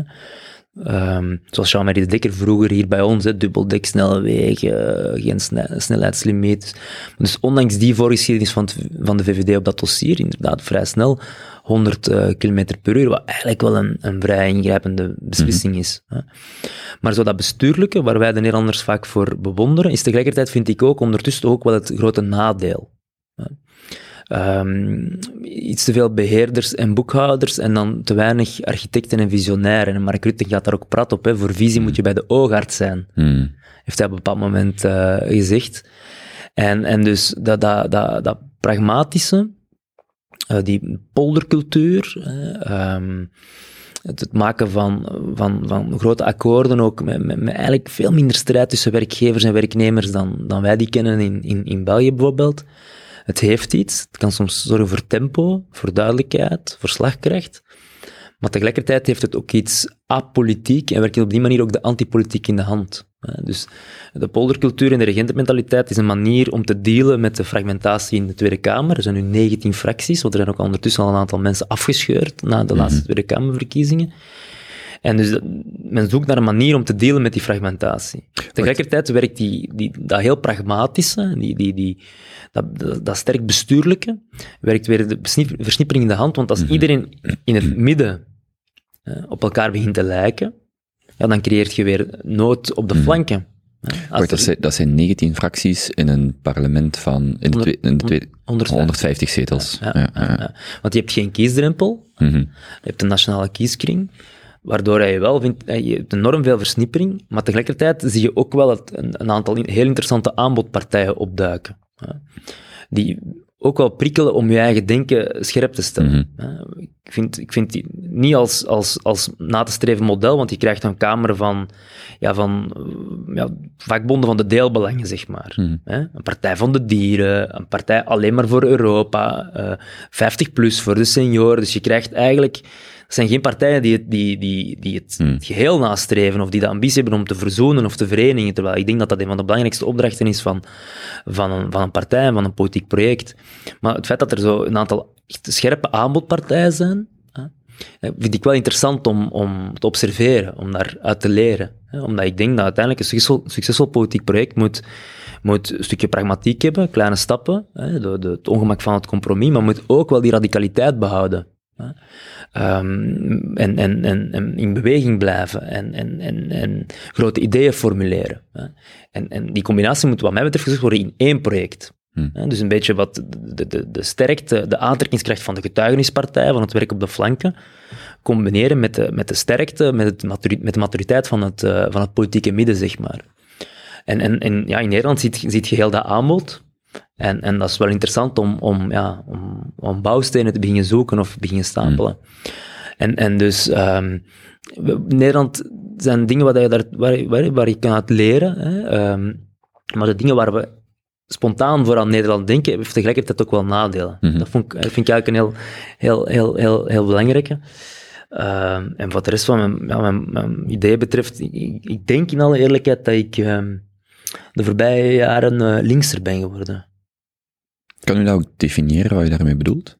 Ehm, ik, ik- als ik nu bijvoorbeeld naar mijn eerste boek kijk, Fuck de Zijlijn, eh, ik zeg daar denk ik wat met mijn boetade van ja, waarom kunnen Karel van Eetveld, hè, toenmalig topman van Unizo, en Rudy de Leeuw, toenmalig eh, voorman van eh, de Socialistische Vakbond, waarom kunnen die niet wat vaker overeenkomen? Hm. Ehm, voor een deel gaat, dat, gaat, het nog altijd, gaat die analyse nog altijd op, omdat ik denk van de, de, de, de, de echte conflict of de echte strijd zit niet tussen de zelfstandige en de werknemer, hè, of tussen de ondernemer en de, en de werkzoekende, eh, maar tussen de 99 en de 1 procent, om het met een, eh, een gekend schema te zeggen. Dus voor een, voor een, voor een deel hè, gooi ik die analyse niet weg. Tegelijkertijd eh, vind ik het nu wel wat, wat simpel, eh, of, en zou ik het nu al helemaal niet meer opschrijven, omdat ik ja, toch wel misschien wel een, beetje meer marxist ben geworden. Belang van machtsverhoudingen. Ehm, en en dat, dat, dat, dat progressieve politiek en linkse politiek en dus ook groene politiek altijd de ambitie moet hebben om die machtsverhoudingen door elkaar te schudden, om die fundamenteel in vraag te stellen. hè.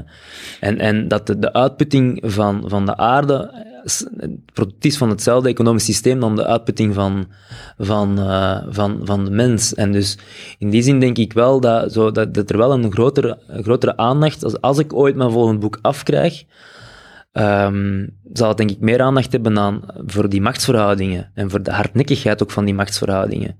En voor het feit dat, ja, dat de ongelijkheid zoals wij die kennen en zelfs, zelfs de coronacrisis, hè, zoals we die eh, hebben zien ontstaan en ook zich hebben zien afwikkelen, dat dat wel dat dat wel een product is van, een, van, van, van hè, wat dan met een groot woord, en neoliberalisme en kapitalisme is.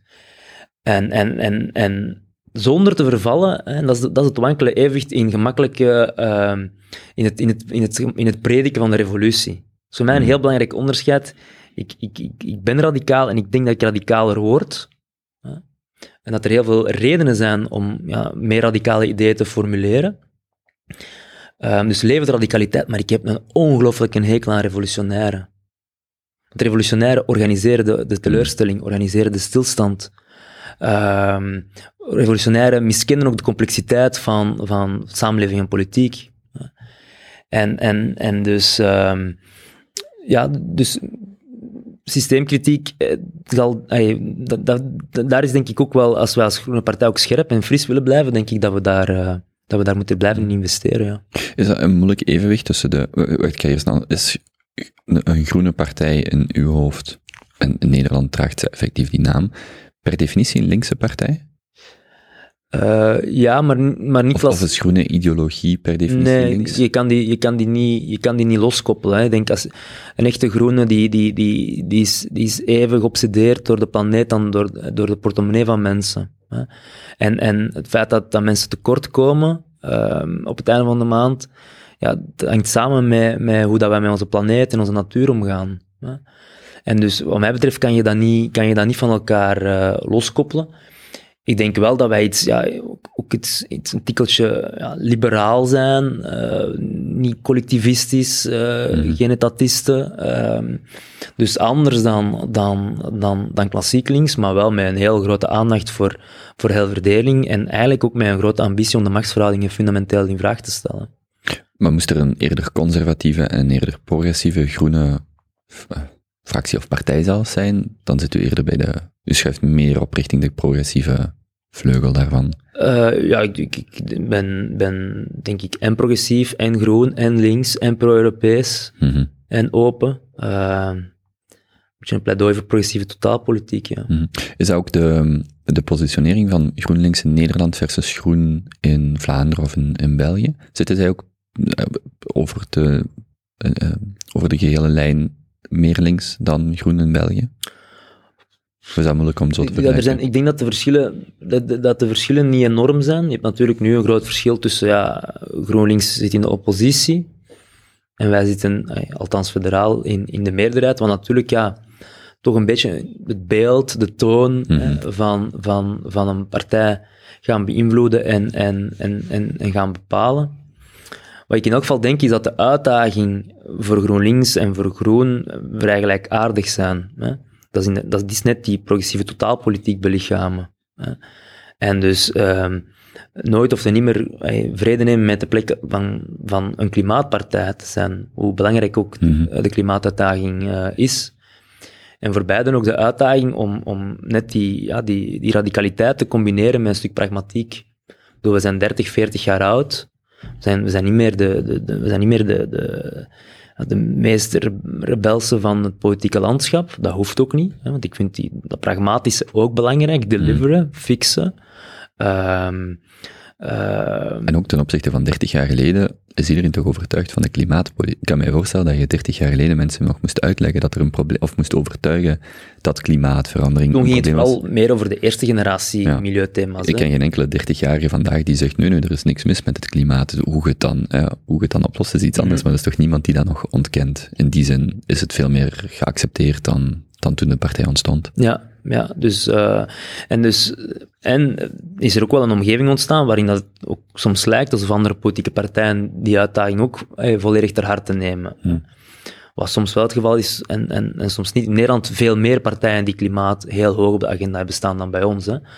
Dat was, heeft GroenLinks ook parten gespeeld bij de laatste verkiezingen. Er waren heel veel klimaatpartijen voor, eh, voor onvoldoende klimaatkiezers. D66 had een, had een klimaatprogramma van eh, s- s- 60, 62 procent CO2-reductie twi- eh, 2030. GroenLinks uiteraard. Je hebt Partij van de Dieren. Volt, waar klimaatambitie ook heel hoog op de agenda staat. Dus toch in Nederland veel meer klimaatpartijen dan, ehm, dan bij ons. Maar de, de, de, de uitdaging, dat vind ik interessant aan, aan het observeren van Nederland, de uitdaging van een groene partij, dienen zich daar nog scherper aan door het anarchiesysteem. Want bij ons is er geen Volt, is er geen Partij van de Dieren, is er geen bijeen. Niet omdat er niemand dat kan bedenken, maar omdat ons kiessysteem dat onmogelijk maakt Met de kiesdrempel. kiesdrempel, partijfinanciering speelt daar ook een belangrijke rol in. En dus de, de, de, de tussenpositie die wij ook in Vlaanderen hebben, hè, tussen systeempartijen en antisysteempartijen, zeg maar tussen de middenpartijen en de Partij van de Arbeid, om het even schematisch voor te stellen, ja, die tussenpositie heeft GroenLinks ook. Alleen zijn er op die twee flanken bij hen een veel ja, sterker, meer ontwikkeld aanbod. Hè? Waardoor de uitdaging ja, dezelfde is, maar zich nog scherper aandient, die tussenpositie. Want als je middenpartij wordt, louter de claim om de macht, daar heb je partijen in die veel beter zijn dan wij. Mhm. Getuigenispartij, alleen maar de radicaliteit, of sterker nog het prediken van de revolutie, ja, daar heb je betere predikers voor dan, dan, dan, dan groene politici vandaag. Mhm. En dus in die zin vind ik het wel heel interessant om die uitdaging waar elke groene partij mee geconfronteerd wordt, dat evenwicht dat wij ook moeten vinden en beter moeten vinden, ja, die uitdaging stelt zich nog scherper in, de, in, in, het, in het Nederlandse politieke landschap dan bij ons. Ja, want hier had je bijvoorbeeld een week, een maand, anderhalve maand geleden, de aankondiging van de Vista-partij, denk ik, die dan groen ehm, en regionalistisch of nationaal, eh, sorry, ehm, Vlaams, groen Ja. Vlaams, eerder de conservatieve kant dan, denk ik. Ik heb het ook niet goed bekeken. En net dat ik het u hoorde vertellen, ja, zo'n partij zou in het Nederlands parlement, eh, als ze de voldoende stemmen haalt, tenminste een zetel kunnen halen. Bij ons, ja, 5% kiesdrempel, geloof ik. Ja, succes dan, om, dat gaat waarschijnlijk niet lukken. En dan vraag ik me af, ja, is dat nu een, is dat dan een verarming? Bij ons is dat een verrijking in Nederland. Het maakt, heeft dan ook weer tweederangs effecten. Wordt die onderstroom opgepikt? Dat, ey, dat, is dan, dat zijn dan allemaal open vragen. Ik denk niet dat er één beter is dan standaard, maar ik, ik las de aankondiging, of ik hoorde er een podcast op eh, bij de standaard over. Ja, 5% is wel een heel hoge grens om, om Hmm. ook die stem of om ehm, die visie te tonen. Maar de versnippering in Nederland is een beetje doorgeslagen. hè. En, en vereist bijvoorbeeld in elk geval ook een, een veel strakkere parlementaire organisatie. Want nu is het echt ehm eh, file, file aan de interruptiemicrofoon. Zo heet dat in eh, de Tweede Kamer. ehm, dat is heel moeilijk om, om, een, om een goed debat te hebben, want er zijn te veel fracties die, die op elk mogelijk moment eh, kunnen tussenkomen. Dus die versnippering is, is, is, heeft, zijn, heeft nadelen, maar kan denk ik, de nadelen kunnen voor een groot deel gemanaged worden in een betere en strakkere parlementaire organisatie. Ik denk wel dat het ook voordelen heeft, met name dat je een helder aanbod hebt en dat partijen ook een stuk worden aangemoedigd en opgejaagd worden om bepaalde topics, bepaalde thema's serieus te nemen. Maar dan moeten er wel partijen overblijven die de ambitie hebben om die synthese te maken, om een ontmoetingsplaats te zijn van verschillende perspectieven en thema's, om nog afwegingen te maken. Want als er alleen maar partijen over, overblijven die hè, de, vakbond zijn van een, bepaald deelbelang, ja, zo kan je geen land opbouwen, zo kan je geen beleid vormgeven. Dus ik, ik vind een, een, een open kiessysteem, vind ik uiteindelijk overheersen voor mij de voordelen. En, en, en bij ons is er, je hebt verwezen naar de kiesdrempel, maar eh, wat bij ons ook de, de, de laten we zeggen, de, de politieke vernieuwing, hè, het opkomen van nieuwe partijen, enorm afremt, is de zeer royale partijfinanciering voor insiders. Hmm. Waarmee dat het eigenlijk voor outsiders ook gewoon quasi een onmogelijke opdracht is. hè. Eh, En daardoor blijft ons landschap ja, heel, lang, heel lang hetzelfde. Dat staat denk ik ook voor een stuk de, de- een herverkaveling in de weg. Hè. Bart Weber heeft dat onlangs gezegd en ik denk dat daar zeker een, een stuk van waarheid is. Hè. Dat, dat de partijfinanciering, zonder de partijfinanciering zoals wij die kennen, was er denk ik wellicht al meer gebeurd in het politieke landschap. Ehm, nu blijven partijen overeind met veel mensen en middelen. eh, en, en kan men minstens de illusie opwekken dat het, dat het, dat het nog toekomst heeft. Eh, dat is één gevolg. En het tweede gevolg is dat ja, voor outsiders is het gewoon een heel moeilijke, een heel moeilijke opdracht om, om tegen die machines met veel mensen en middelen op te tornen in kiescampagnes. Ehm, trouwens, zo de, wat ik ook interessant vind, want ik, ik zei van, hè, dus ehm, de illusie opwekken dat men nog betekenis heeft, dat brengt mij ook tot, een, tot iets anders van, eh, van Van Mierlo. Bij de beginjaren van D66, Welke periode is dat trouwens? eh, Jaren 70? 60, 66. Ah ja, oké, dus ja. de, de, de naam verwijst naar het oprichten. Ah, het oprichtingsjaar. Ja, en hij was erbij, was toen op dat moment eigenlijk eh, eerder bij toeval de, de voorman geworden. Was Mhm. eigenlijk een, een niet zo geslaagde journalist. Ehm, en, maar ja, iemand die dan vrij snel komt, komt, eh, komt bovendrijven.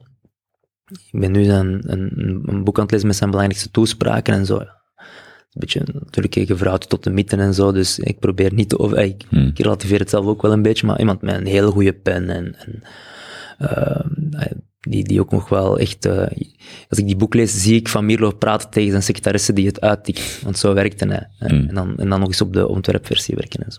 Maar zwart, ik, ik, eh, de, de- in de beginjaren was er bij D66 het voornemen om elk jaar bij het congres de bestaansreden van de partij in vraag te stellen. Heel vermoeiend. hè. Ze hadden ook blijkbaar heel lange congressen. Lijkt, dat vlak lijken ze een beetje op eh, de beginjaren van, van de Groenen, zeg maar. Ehm, maar ik vind het wel een heel interessante gedachte. Want door nooit die vraag te stellen, worden partijen een doel op zich in plaats van een middel. En dat is bijvoorbeeld een van de dingen die mij aanspreekt aan Van Mierlo. Is iemand, die echt een, partijpolitiek beest, oprichter van een partij, is, is ik bedoel, insider. Hè. Heeft verschillende regeringen gevormd, was erbij op de grote momenten. Keerpunt 72, progressieve concentratie, heeft Paars meegevormd, eh, de regering. Uh, Kok 1, als ik me niet vergis. Dus hij was erbij op de grote momenten. Uh, maar hij had ook een Als beetje partijvoorzitter. als partijleider. Dus Hij is, hij is twee periodes partijleider geweest. Ehm dus met een lange onderbreking en, en is ook twee keer minister geweest, één keer van Defensie en één keer van Buitenlandse Zaken. Maar ik laat mij vertellen, hè, men zegt dat Van Mierlo niet zo'n buitengewone minister was, omdat het ja, ook wel iemand was die ja, de, de, kon moeilijk beslissen, twijfelaar. Je hoort dat ook in interviews, hij stelt zich luid op vragen. Eh, dus ik- allee, het is, het is eh, een bijzondere figuur. Maar ik, ik, vind dat, ik vind dat heel fascinerend. Iemand die een partij heeft opgericht, die, die ook eh, toch heel lang in de, in de cockpit, eh, echt in de, de- een, ja, een, een politiek dier, hè, een, vaste bewoner van het Binnenhof, hè, dat is eh, de, de, de, de politieke machtscentrum in, in, in Nederland, maar toch altijd ook een beetje outsider gebleven. En dus altijd met heel veel liefde voor de politiek, maar ook altijd een haat, eigenlijk ook altijd een haat-liefde relatie. Hè. Ehm, en en, en dat, die combinatie vind ik wel bijzonder. Het is vermoeiend. Hè? Ehm, het is makkelijker om ofwel de politiek te haten, dan wel hè, eh, ze gewoon blind lief te hebben, maar ondertussen zit ik ook daar. Hm. Ik heb, ik heb in mijn eerste twee boeken geschreven, politiek is mijn eerste lief. Maar ondertussen heb ik een stukje een haat-liefde relatie. En, en, en, en als ik dan dat werk van Van Mierlo lees, dan vind, ik- vind ik dat wel heel herkenbaar. Eh, ergens heel sterk insider, maar toch een beetje outsider. Je partij graag zien, daar ook echt hè, willen investeren, maar tegelijkertijd het ook vervelend vinden dat een partij ook iets van, ja, ook iets van starheid of, of geslotenheid heeft, per definitie. Ook altijd een beetje een middel wordt in plaats van, een, beetje een doel wordt in plaats van een middel. Dus ik vind Van Mierlo om- onder andere daarom een, een buitengewoon is- fascinerend iemand. Is dat soms moeilijk of frustrerend dat je altijd consensus moet zoeken in de functie van een partij, laat staan een regering, waar dat je als individu misschien hogere of andere ambities hebt? Is dat dan een, een grens waar iemand tegen botst? Nee, want ik, ik, de, de, ik vind, eh, ik, ik, heb er onlangs ook een heel uitgebreide eh, nota over geschreven. Ik, ik dicht politieke partijen nog altijd een belangrijke toekomst toe. Ik, ik zie ook een groot potentieel voor hen. Hè. In, de, in, de, in de wereld van de algoritmes en de verbubbeling van, eh, van mening en de constante meningsuiting van alles en iedereen, is er nood aan plekken van meningsvorming. Is er nood aan ook fysieke plekken van meningsvorming, waar mensen echt nog met elkaar praten en verschillende perspectieven afwegen om dan ja, de deelbelangen te overstijgen, hè, de reflexen te overstijgen. Hè. Ehm, en en, en dat, is een, dat is een rol die ik, die ik politieke partijen toedicht. Hè. Ehm, en, en, en, en die ik belangrijk vind. Hè. Dus ik, ik, ben, ik, ben, ik heb een sterke overtuiging, maar dat is geen pleidooi voor de hoogst individuele mening die altijd moet, moet, eh, moet overheersen of doorwegen. Afwegen, zoeken, bouwen, afbreken, nog verder bouwen, boetseren samen aan een overtuiging, aan een project. Het democratisch verkeer regelen door, door een stukje de voorspelbaarheid die, die, hè, de, die partijen kunnen bieden. Hè. Ehm, vind ik altijd een positieve zaak. Wat ik wel een nadeel van partijen vind, is wel, ja, ze worden toch altijd een beetje een doel op zich met hun eigen spelregels, ehm, met hun eigen methodes, vooral gericht op insiders, op vergadertijgers. Met hun eigen hiërarchie, Ja, hiërarchische spelletjes. ja, spelletjes klinkt dan ook weer neg- negatiever dan ik, dan ik, dan ik bedoel. Hm. Ehm, maar ja, het zijn plekken waar over de bestaansreden niet meer gediscussieerd wordt. En dat is geen pleidooi om dat elke keer opnieuw te doen, Mhm. maar ik denk wel dat politieke partijen toch wel wat snakken naar meer nieuwsgierigheid, meer openheid, een stukje meer kwetsbaarheid. Vooral ook omdat nu het doen alsof van kijk eens hoe belangrijk wij zijn, kijk eens hoe dat wij onze zaakjes op orde hebben, wij weten waar we naartoe willen. We, hè, de, nog altijd de, de pretentie eh, hebben van wij, wij zijn hier de gidsen, eh, we weten waar we naartoe moeten. Ja, de waarheid is, is minstens veel genuanceerder dan dat. Dat alle partijen, alle politici ook een stukje zoekende zijn in deze tijd. Hm. Ehm, en dus dat, dat, dat, dat zoekgedrag mogelijk maken, faciliteren, plekken van nieuwsgierigheid, plekken van ontmoeting, dat is eigenlijk de opdracht van politieke partijen.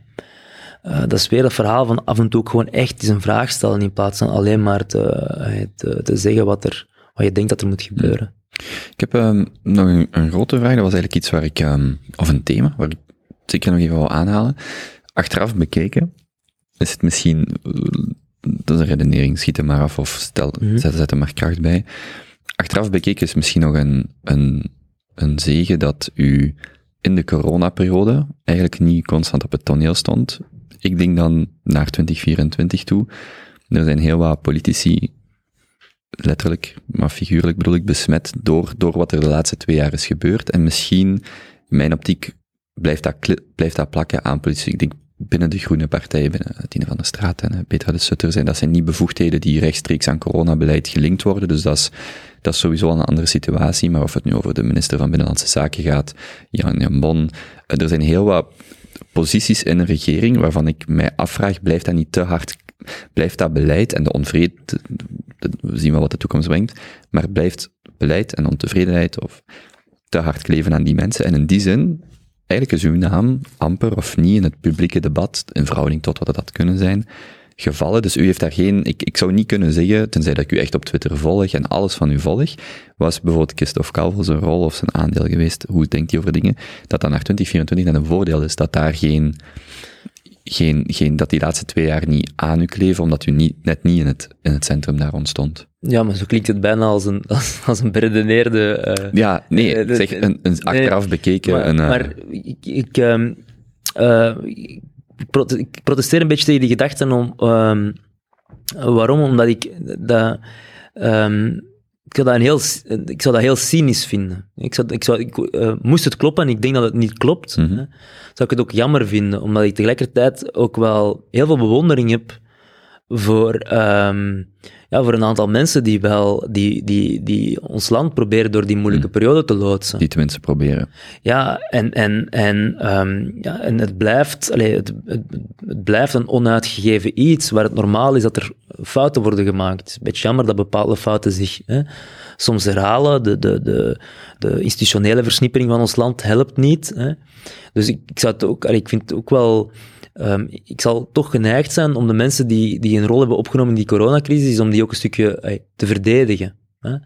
Ehm, zowel wat ze presteren als politicus als als mens. Hè, want wat, geldt, wat ook geldt voor bijvoorbeeld de virologen, geldt ook voor de leidende politici, het is wel een heel zware periode. Het is een zware periode voor heel veel mensen in de sector, maar om die knopen door te hakken, om, om die beslissingen te nemen, om die adviezen te schrijven, het is, ehm, het is, niet, het is niet makkelijk. Ehm, wat ik wel, waar wel corona ergens helpt, is, het is, ja, het is sowieso wel een, een wat er, het is sowieso wel een, een, een- er is een periode waar het er heel veel voor u beslist wordt. Hm. Heel veel dingen konden niet. Dus er, er- uw leven werd eh, noodgedwongen een stukje eenvoudiger. Ehm, waardoor er wel ergens meer tijd was, eh, althans voor mij, maar dat is ook een stuk privilege, hè, om ja, ja, een stukje te vertragen, te lezen, te denken, te schrijven. Eh, maar opnieuw, dat is, dat is vanuit mijn, mijn situatie, mijn, mijn privilege. Hè, eh, waar het makkelijk is om te, te, te, te, te videowerken, waar je een grote autonomie hebt. Allee, de, dus daarmee wil ik zeker niet de indruk wekken dat dat voor iedereen zo is, want ik denk dat voor heel veel mensen het gewoon echt een ware uitputtingsslag was. Hè. En ik denk dat er te weinig, ook, toch nog te weinig begrip is ook voor de, de colère die voortvloeit uit die uitputtingsslag. Ja. Ehm, maar ik, ik vind het wel lastig, en dus dat is een van de redenen waarom ik mijn derde boek maar niet geschreven krijg. Er zijn nog andere, maar ik, ik weet gewoon ook nog niet hoe ik me moet verhouden tot deze tijd. Hm.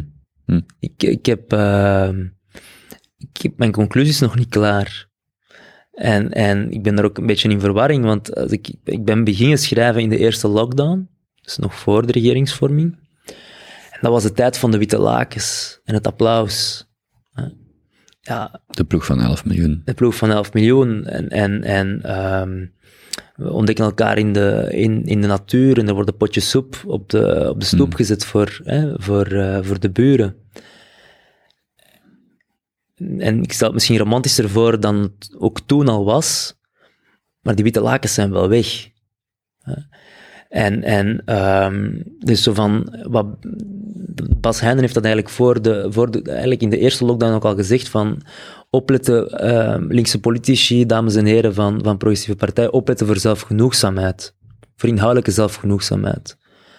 De, de, de, de, de progressieve conclusies zullen zich niet zomaar vanzelf laten optekenen. Hm. Ja.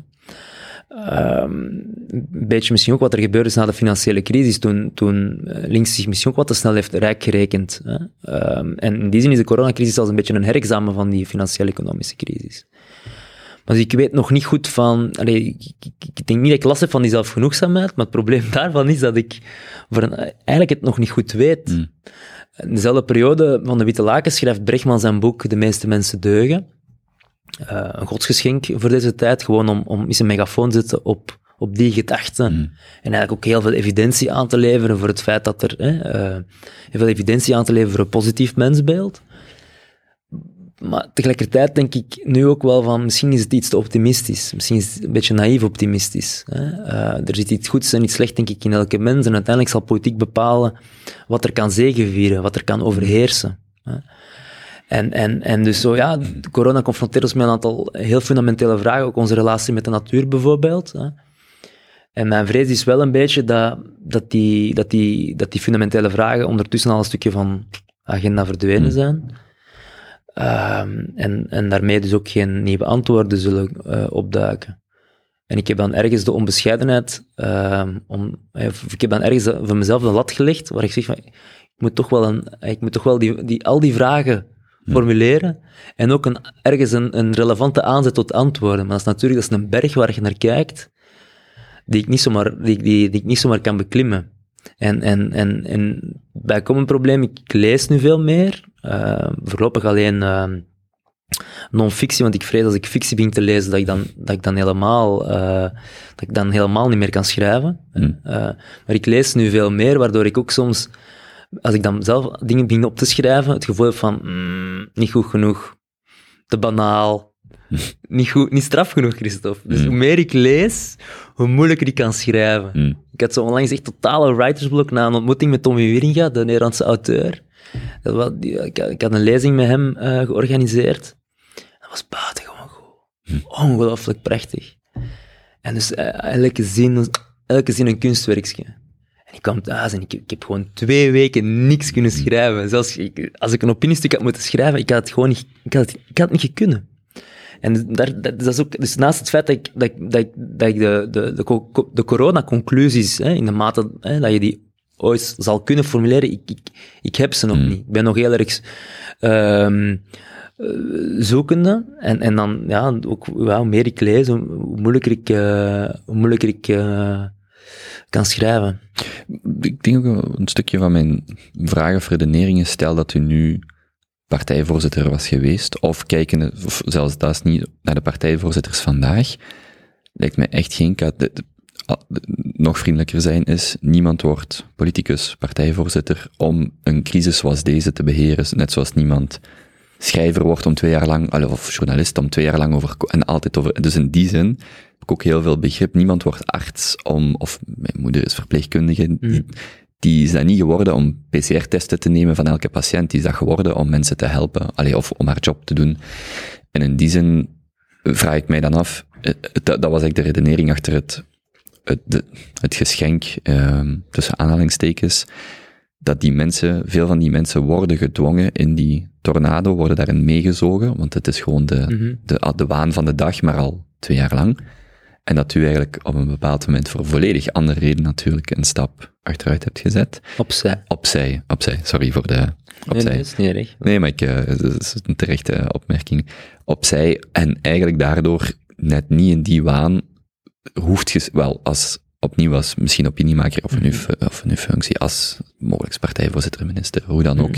En dat daar dan een verdoken eh, voordeel in zit. Ik zeg maar iets. Ja, maar ik denk, de, de, de paar zaken, de, de, de, de, de, de waan van de dag en de, de, de, de verschrikkelijke competitie en concurrentie, die, die, die was er ook al voor corona, voor toppolitici. hè. Het ging het meestal over andere, het ging het uiteraard niet over hetzelfde thema, maar die, die, die versnelling, die verruwing, ehm, die, die, die is al een tijdje bezig en dus eh, daar, daar ben ik inderdaad niet jaloers op. Hè? Op politici die vandaag allee, de hele tijd met die dagjespolitiek moeten bezig zijn. En ook daar ook in de meeste gevallen ook wel heel graag mee bezig zijn. Mm. Hè? Die er ook echt van overtuigd zijn. Allee, eh, heel wat toppolitici zijn er ook echt van overtuigd. Hè? En ik kan, kan, kijk, dan, kijk ook soms nu eh, terug naar een bepaald moment dat ik, dacht, dat, dat ik denk, dat ik denk van, lekker stof, allee, bedoel, waarom heb je dat nu gedaan? Of, allee, dus, Mm. je, je zei- je- dat is eh, opnieuw van Mierlo, hè, denken en spreken hield geen gelijke tred meer. Je begint op den duur ook echt te geloven dat iedereen het belangrijk vindt dat je elke dag van je laat horen over een bepaald iets. Terwijl, hey, Hmm. jij stelt me nu de vraag, hè, hoe is het met u? Want er zijn, van de 11 miljoen Belgen zijn er geen 10 die daarvan wakker liggen. Hè? Dank u wel hè, dat, je, dat je die vraag wel stelt.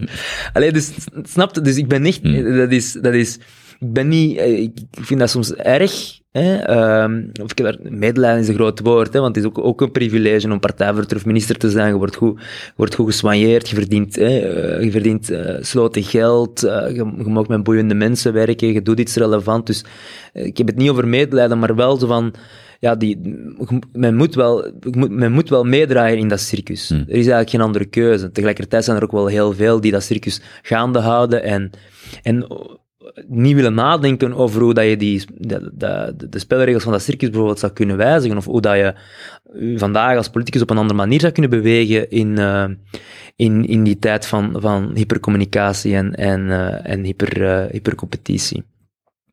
Tegelijkertijd is dat soms wel wat mij, net aantrekt om te zeggen van, ja, ik heb ergens nog wel de ambitie om, om ben, denk, vind het fijn wat ik, wat ik nu doe en, en eh, ik, meer, veel wetgevend werk en Vivaldi en democratische vernieuwing moeizaam, hè, Hmm. eh, strekken en sleuren, vooral achter de schermen. Dus ja, ik vind dat relevant wat ik nu doe. Hè. Tegelijkertijd denk ik soms wel van ja, ik, heb wel, ik zou wel eens graag, en niet per se als eerste viool of zo, maar ik zou wel graag eh, af en toe toch eens, misschien ooit nog wel eens terug de cockpit eh, mee bemannen. En laten zien dat je ook op een andere manier aan politiek kan doen in deze tijd. Ehm, en, en dus dat is, ja... ehm, en, en er is iemand, een toppoliticus, die, die tegen mij gezegd heeft, eh, en dat klopt, er, zit, er is een probleem, ik heb twee dingen over de partijvoorzitters. Hè, dus ik, ik denk dat je dat gewoon moet afschaffen. Hm. Ik denk, afschaffen. Hè, Nederlands model, partijleiderschap zit bij de vicepremier of de fractievoorzitter, veel democratischer dan ons systeem. Verantwoordelijkheden worden veel meer uitgeklaard en als er iets te bespreken valt, dan is dat niet op de, in een studio, is dat niet naast elkaar, zoals nu al een paar keer gebeurt in de zeven dag die naast elkaar zitten, maar niet met elkaar praten. Ik vind dat absurd. Maar dat is wel metaforisch voor hoe dat zij functioneren. Hè? Eh, want ze willen alleen in de studio zitten. Ze willen daar hun duim omhoog, omlaag. In Nederland niet. Als je, als je iets te vertellen hebt, en ze zitten ook in de studio, maar als je iets te vertellen hebt, kan je dat ook doen in de Tweede Kamer. Je kan daar aan Mark Rutte vragen stellen. De fractievoorzitter, de partijleider moet daar eh, de degens kruisen met zijn, met zijn collega's. Je zit mee in het bad, eh, for better or worse. In, in, de- in het democratisch debat. Mhm. Eh, ik zou het debat, hè, dus, dus het debat of debat, democratisch debat, daar waar het eigenlijk moet gevoerd worden, daar waar je eigenlijk macht en impact moet situeren. Bij ons staan die ernaast. Hè. Neem iemand als, als, als Boucher, ehm, daar wordt heel veel over gezegd, maar het allergrootste probleem met Boucher, daar wordt nooit over gesproken. Wat is het allergrootste probleem met Boucher? Die was in 2019 niet verkozen als Kamerlid Hm. Hm. niet verkozen als Kamerlid. En vandaag heeft die man meer macht dan alle 150 Kamerleden samen. Door een interne partijverkiezing. Door een aanduiding eh, vanwege Charles Michel en Didier Reinders. Er gaat geen week voorbij of een wetgevend initiatief in de Kamer wordt geblokkeerd vanuit het partijhoofdkwartier van de MR. Fiscaliteit van topsporters. Eh, plafond, reclameplafond eh, buiten campagnetijd voor politieke partijen de tweede, tweede woonst, de fiscale voordelen voor de tweede woonst. Allemaal, ik kan nog voorbeelden geven. Hm. Boucher zegt nee. Die man is niet verkozen. Er zijn 150 Kamerleden verkozen en hij was er niet bij. Hm. Ik vind dat een democratisch probleem. Dus in Nederland, er- in Nederland de toppolitici, die, die dagen elkaar daaruit. Die zitten ofwel in de regering ofwel in het parlement. Vind ik veel beter. En, en, en daarnaast nog over partijvoorzitters. Er was iemand, dat wou ik eigenlijk vertellen, maar ehm, dat was nog een andere gedachte die mij even meenam. Ehm, eh, Belgische toppoliticus, ex-partijvoorzitter, die, die, die mij vrij recent heeft verteld, het probleem is dat, je, dat onze partijvoorzitters, eh, dat is vaak in het begin van hun loopbaan. Eh, mensen die nog naam moeten maken. Hmm. En misschien, misschien is dat gewoon niet logisch. Het is sowieso, denk ik, heel moeilijk om... eh, dus ik heb het zelf ervaren, het is heel moeilijk om en een goede scorende spits te zijn en een goede coach. Het is heel moeilijk. Het zijn eigenlijk twee andere Hmm. opdrachten, twee kwaliteiten. En dus het is heel normaal dat je nu bijvoorbeeld een aantal jonge partijvoorzitters hebt die zeggen van ik wil hier mijn strepen verdienen, ik wil hier mijn plek opeisen, ik wil mijn partij groot maken. Om mijn partij groot te maken moet ik, zelf, hè, moet ik mezelf Hmm. groter en struizer voordoen dan ik ben. Misschien heb je, is dat een functie die, die, die, die, die, die sturm en drang hebben we nodig in de politiek. Hè? Eh, maar misschien dan eerder in een regering. Ja. Hè? Of, of, of in de Kamer. Of in de Kamer. Of in de regering, Ja. maar niet als voorzitter. Eh, niet als, als, eh, bedoel, als de, de energie, de- we, hebben, we, hebben, we hebben energie nodig. Hmm. Maar, maar misschien dan op andere plekken dan, dan, dan als partijvoorzitter. En, en uiteraard, mensen met meer anciëniteit kunnen ook veel energie hebben, maar ik denk dat, je- ik denk dat, ik- dat het ongeveer wel duidelijk is wat ik, wat ik bedoel. En dan een laatste gekkigheid, ehm, ook als ik met mijn Nederlandse collega's praat, is het moment waarop wij onze partijvoorzitters verkiezen. Eigenlijk, als je, dat, als je daar even over nadenkt, is dat waanzin. W- wanneer is dat nu? Na de verkiezingen. Hmm. Dus na de verkiezingen beginnen alle partijen interne verkiezingen te organiseren. Maar dat is volledig aan de partijen om zelf, ja, ja, Ja. zelf te beslissen. staat, nerg- nee, Ja. het staat nergens in de wet. By the way, partijvoorzitters staan ook nergens in de wet. Hmm, mhm. Er is geen wet op de partijvoorzitters, er is zelfs geen wet op de politieke partijen. Er zijn een aantal aspecten van politieke partijen gereguleerd. En el- elke partij beslist ook zelf hoe lang iemand voorzit. Dat is, een- dat is puur een Ja. partijtechnische... Ja, maar je hebt eigenlijk bijna ja, elke partij. Kijk naar de, eh, na de verkiezing van 2019, er was eh vrij snel een verkiezing bij ons. Was, Op de VLD. was bij, op de VLD een beetje later, hè, de, de, de, de kiesstrijd tussen, tussen Lachaert en Tommelijn. Daartussen zat de aanduiding van eh, de verkiezing van, eh van Connor. CD&V, de strijd tussen eh, Sammy en, en, en Joachim Koens. Allemaal tijdens de regeringsformatie. Mhm.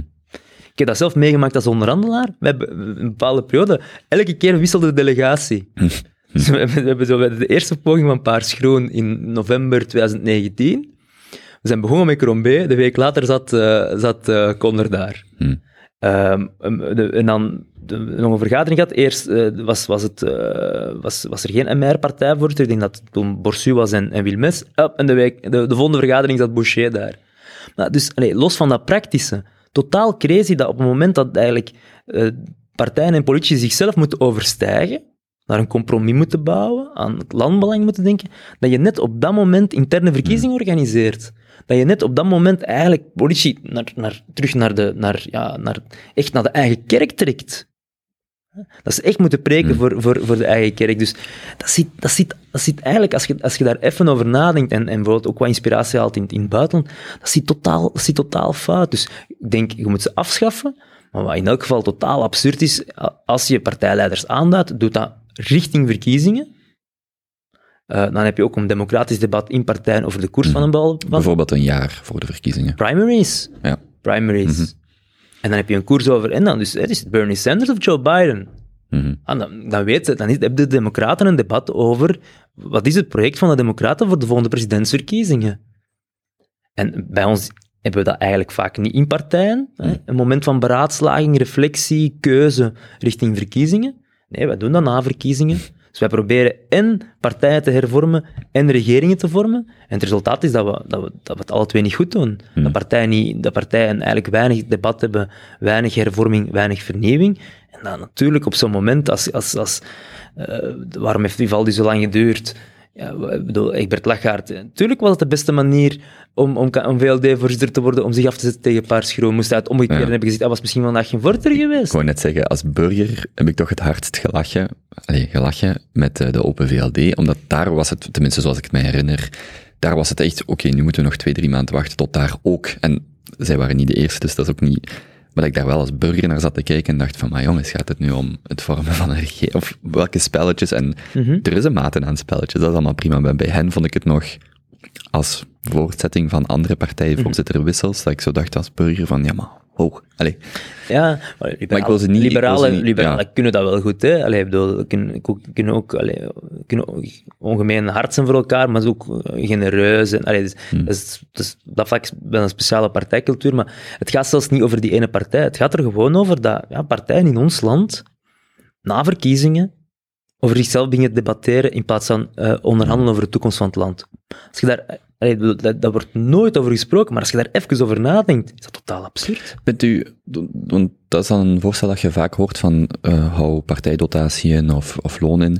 Ik denk dan, ik heb het één keer moeten in orde maken voor mijn grootvader die overleed. Als iemand overlijdt, heb je vier maanden met nog één maand uitstel om alles rond te hebben en je belastingen te betalen. Dat, dat is het sociaal contract als burger. En tussen die periode, en ik ga het misschien wat te kras zeggen, maar dan denk ik, ja maar wacht, als burger is dat sociaal contract. Ik heb vijf maanden de tijd om de moeilijkste familiale knopen te ontwarren en daar belasting op te betalen. Is dat dan zo zot? En ik denk dat ehm eh, dingen van het CD&V, ehm, de vorige, voor, kom niet op, eh, Koen Geens, om mij een soortgelijk voorstel kwam, zes maanden, of ik weet het niet meer exact. En dat is altijd zo'n idee waarvan ik denk, het lijkt mij een goed idee, ik weet niet of het een full bon idee is, Mhm. Bon, eh, maar dan denk ik, ja, als burger heb ik dat sociaal contract. Het is een moeilijke knoop, daar weet u meer van als, veel meer van als mij. Maar als burger zit jij wel aan te kijken, van, kom bij jongens, Mhm. ik weet niet of loonafpak of partijdotatie, want daar zijn ook weer allerlei tweede... Je moet verschillende dingen doen. Hè? Dus eh, de, waar ik niet voor ben, is, is eigenlijk, het, dat was het voorstel van CD&V destijds, om na een bepaald moment de twee taalgroepen eh, te verplichten om eh, ergens een meerderheid op te bouwen. Of bijvoorbeeld vanuit, Aan de, beide- deel- eh, beide ja, of bijvoorbeeld vanuit de deelstatenregeringen een soort van afspiegelingscoalitie te maken. Een soort van Mhm. ehm, automatisme. Daar ben ik niet voor, maar voor mij, in mijn opvatting is eh federale regering vooral een regering voor, voor alle België. Handig als daar een meerderheid is in elke taalgroep, maar de inhoudelijke coherentie is belangrijker dan, Mhm. dan per se vast te houden aan een meerderheid aan de ene kant of, en, en een meerderheid aan de andere kant. Wat je, wat je wel zou kunnen doen, is, is een, ja, een kalender maken met een aantal deadlines. Waar dat je zegt, ja, voor een bepaalde tijd moet er een formateur worden aangeduid. Die formateur zou je ook kunnen laten aanduiden door de Kamer, waarmee je ook het, het formatiegegeven een stuk democratiseert, Mhm. wat nu gebeurt in Nederland. En je zou ook een, een afspraak kunnen maken van, ja, ik zeg maar iets, negen maanden, zes maanden. Ehm, negen maanden is eigenlijk al lang. Hè. Als je kijkt de Duitsers, hoe snel die een regering hebben gemaakt, ook al was het met drie partijen. Mhm.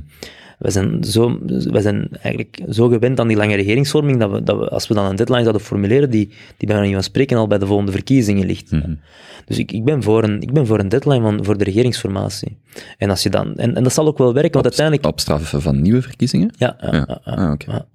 En, en dus, Dus, dus geen, sorry, geen financiële... dat kan ook, dat dat kan, maar je, je kan dat in die periode ook doen. Je kan zeggen, de, de aangroei van partijdotaties, die, die er is voor bepaalde eh, partijen na de verkiezingen, omdat ze gewonnen hebben, je bevriest die. Mhm. Dus je krijgt maar je bonus na de verkiezingen op het moment dat er een regering is gevormd. Want je doet, I'm very sorry, maar je doet niet je hele opdracht. Mhm. Want er is geen regering. Hè? Je bent niet aan het besturen, er is geen... er, eh, dus ik denk dat je een aantal maatregelen moet nemen. En het staat ook in het regeerakkoord van Vivaldi, het hoofdstuk Democratische Vernieuwing. Hoofdstuk waar, laten we zeggen, de realisatiegraad nog moet opgeschroefd worden de Hmm. komende tijd. staat ook het voornemen om ja, na te denken over de spelregels van de regeringsvorming. En, en ik denk dat daar moet aan gesleuteld worden. Ook daar, het, zijn, het, is, het is niet alleen een individuele verantwoordelijkheid of een kwestie van talent, een kwestie van creativiteit om een regering te vormen. Nee, het is ook een verhaal van spelregels. En onze spelregels ja, zijn, zijn niet goed voor het vormen van een regering. Ehm, doordat we geen deadline hebben, door het feit dat het parlement geen rol speelt, ehm, maar ook bijvoorbeeld door- doordat we op datzelfde moment interne verkiezingen organiseren. Kijk even naar de klok. Ehm, is er iets wat ik... Ik wou misschien nog even, afhankelijk van hoeveel tijd u nog geeft, bij corona stilstaan en dan vooral bij die twee jaar, hoe dat Mhm. verder gaat, wat uw lessen daaruit zijn. Als we daar geen tijd meer voor hebben, is de vraag, ben ik iets vergeten te vragen? Is iets wat, wat we nog moeten aanhalen, vermelden?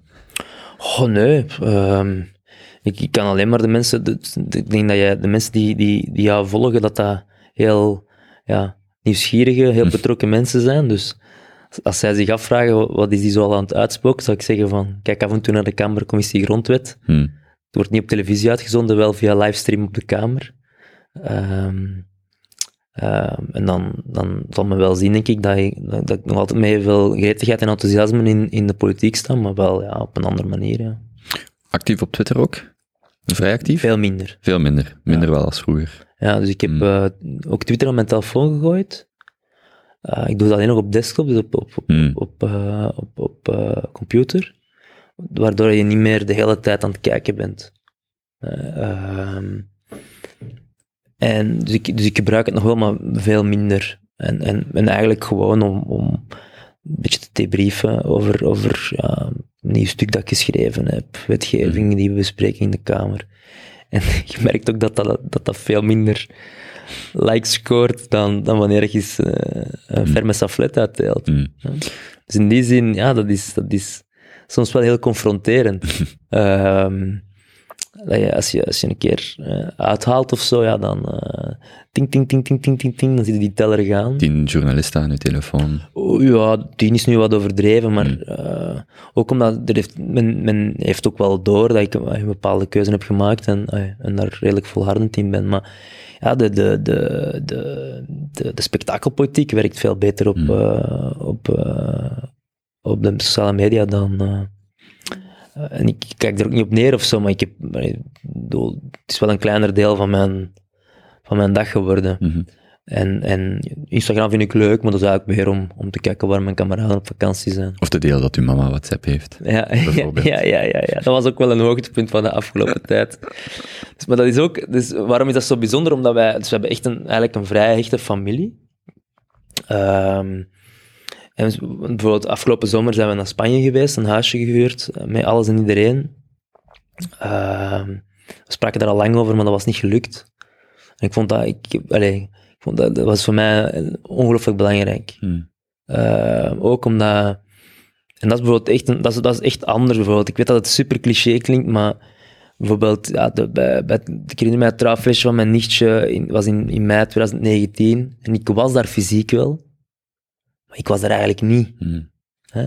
En iedereen had zich daar ook al een stuk bij neergelegd, dat dat nu eenmaal zo was, op familiefeesten, dat ik daar, ja, Acte présence. ja, en, en, en soms ook gewoon totaal ergens anders. Hmm. Hè, dat ik echt, eh, en ook dat nukkig en nors, gewoon door de, door de vermoeidheid en, en, en, en, en de stress. En dus dat was voor mij, dat, die, die was maar een week. Hè. Ik heb daar ongelooflijk veel deugd van gehad. Eh, om, om ook een stuk bij te praten met mijn familie en zo. En, en, en dus, eh, nu weet ik al niet meer hoe we er toch gekomen waren. De WhatsApp van uw mama. Ah ja, voilà, voilà, voilà. De verbinding was. Ja, voilà, voilà, voilà. Dus, ehm, en dus we hebben een WhatsApp-groep met, met, met, diezelfde, met diezelfde familiegroep. Dat is dan ja, waar iedereen is gaan eten of Hmm. er is iemand positief getest. Ondertussen is het in orde. Allee, dus ehm, voor, voor, voor organisaties vind ik WhatsApp verschrikkelijk. Hè, want dat, is, eh, dat, dat, dat, dat, zorgt er ook voor dat organisaties de hele tijd aan het communiceren zijn, maar eh, niet altijd aan het produceren zijn of aan het reflecteren. Dus ik vind dat, vind dat heel veel organisaties er ook on- heel onzorgvuldig mee omspringen. Ehm, Maar voor de familie is het wel. ja, voor de familie is, eh, Mm. is tof. Mm. En ik vind dat, en dus ik ben veel, het is niet dat ik nu plots alle dagen bij mijn ouders op, op de, Mm. op de, voor de deur sta of zo, maar ja, ik, ik, ik heb dat, ben, ben- dat is wel echt iets dat ik, ook omdat er dan, als er dan moeilijke momenten waren, zijn dat toch de mensen waarop, je- waarop, je, waarop je kan rekenen. Eh, en, en dus, eh, dat is, eh, ik ben daar, en dus dat, daarom was mijn moeder, hè, want het was misschien nog niet helemaal duidelijk, mijn moeder had een, een, ja, een hele oude telefoon zonder WhatsApp. Hm. Dus die deelden eigenlijk dat WhatsApp met mijn vader. Het zijn ook zo'n lieve mensen dat ze op alles oké antwoorden. Hè? Dus dus om, duidelijk te maken, we hebben het gelezen. En, hè, dus eh, eh, kunnen we ons bijna niet voorstellen. We nemen akten en allee, alleen als we iets nieuws in te brengen hebben of we zijn het niet eens, zullen we reageren. Ze zeggen, oké, merci, bedankt, tot morgen. Hè, dus, eh, en zij deelden dat dan samen. Maar nu kon ze het toch niet meer, kon ze toch niet meer laten en heeft ze een andere gsm gekocht. En daardoor zit ze op WhatsApp en haar eerste berichtje echt was test. Eh, en dus dat vond ik, ja, vond ik eigenlijk een geweldig, eh, vond ik eigenlijk een geweldig moment. Maar nu, zit ze, nu heeft ze zich, is ze zich volop aan het integreren in de WhatsApp-groep. Ja, Dus audio, video, audioberichtjes, videoberichtjes zullen er nog allemaal aankomen. ja audioberichtjes doe ik eigenlijk niet zo vaak. Ehm, foto's en zo. En, en ook omdat mijn broer is nu naar... ehm, mijn broer heeft eigenlijk zijn hart gevolgd. Mijn broer is tien jaar ouder dan ik. Heel andere interesses. heel gedreven, maar op een heel andere manier dan, dan ik. Die had eigenlijk een veel, sterkere band met Spanje dan, eh, dan ik. En eh, die heeft nu zijn hart gevolgd, is met zijn familie verhuisd, met zijn gezin verhuisd naar, eh, naar Spanje. ergens in de buurt van Barcelona. Ehm, eigenlijk een, een heel moedige stap, ook wel bijzonder, want helemaal opnieuw beginnen. En dus ja, die WhatsApp-groep is ook, ja, Hmm. kan niet alle dagen naar daar gaan, hè. Niet, niet alle weken, zelfs niet alle maanden. Dus ze hebben nu ook een WhatsApp-groep om, eh, om, om elkaar zo op de hoogte te houden. En dus ik begrijp ook wel dat mijn moeder zoiets had van, nu is het tijd voor Dus een eigen exemplaar. Laatste vraag, er zijn de woorden optimistische en deadline zijn gevallen. Wat is een optimistische deadline voor boek nummer drie? Goh, ik weet het echt niet. en dus, dus allee, de, de, want ik, de- want ik had eigenlijk al een afspraak met een Belgische uitgever. Er is nu misschien een optie. Allee, er is eigenlijk een, een, een vraag ook in- om in Nederland eventueel iets te doen. Ehm, de twee zijn niet optelbaar. Hmm. Eh, die kans in Nederland, die, die gaat natuurlijk ook niet vaak eh, komen. Tegelijkertijd denk ik dat ja, de dingen die ik wil opschrijven toch vooral belangrijk zijn of relevant zijn voor België. Dus ik, ehm, ik weet het niet. En ik weet ook nog niet hoe, hoe dik of zo. Hmm. Ehm, en misschien moet ik, moet, ik, moet ik iets heel dun maken. Eh, met één gedachte. Een pamflet. Ja, maar pamflet heeft bij mij zo'n beetje de, de, een negatieve bijsmaak. Zo. Hmm. Het klinkt zo eh, oppervlakkig. Het hoeft niet zo te zijn. Hè. Ik bedoel, één, één gedachte, eh, één analyse, één gedachte helemaal eh, uitwerken, ja, dat, dat, dat is dunner dan, dan bijvoorbeeld mijn tweede boek. hè. Mijn tweede boek vind ik veel beter dan mijn eerste.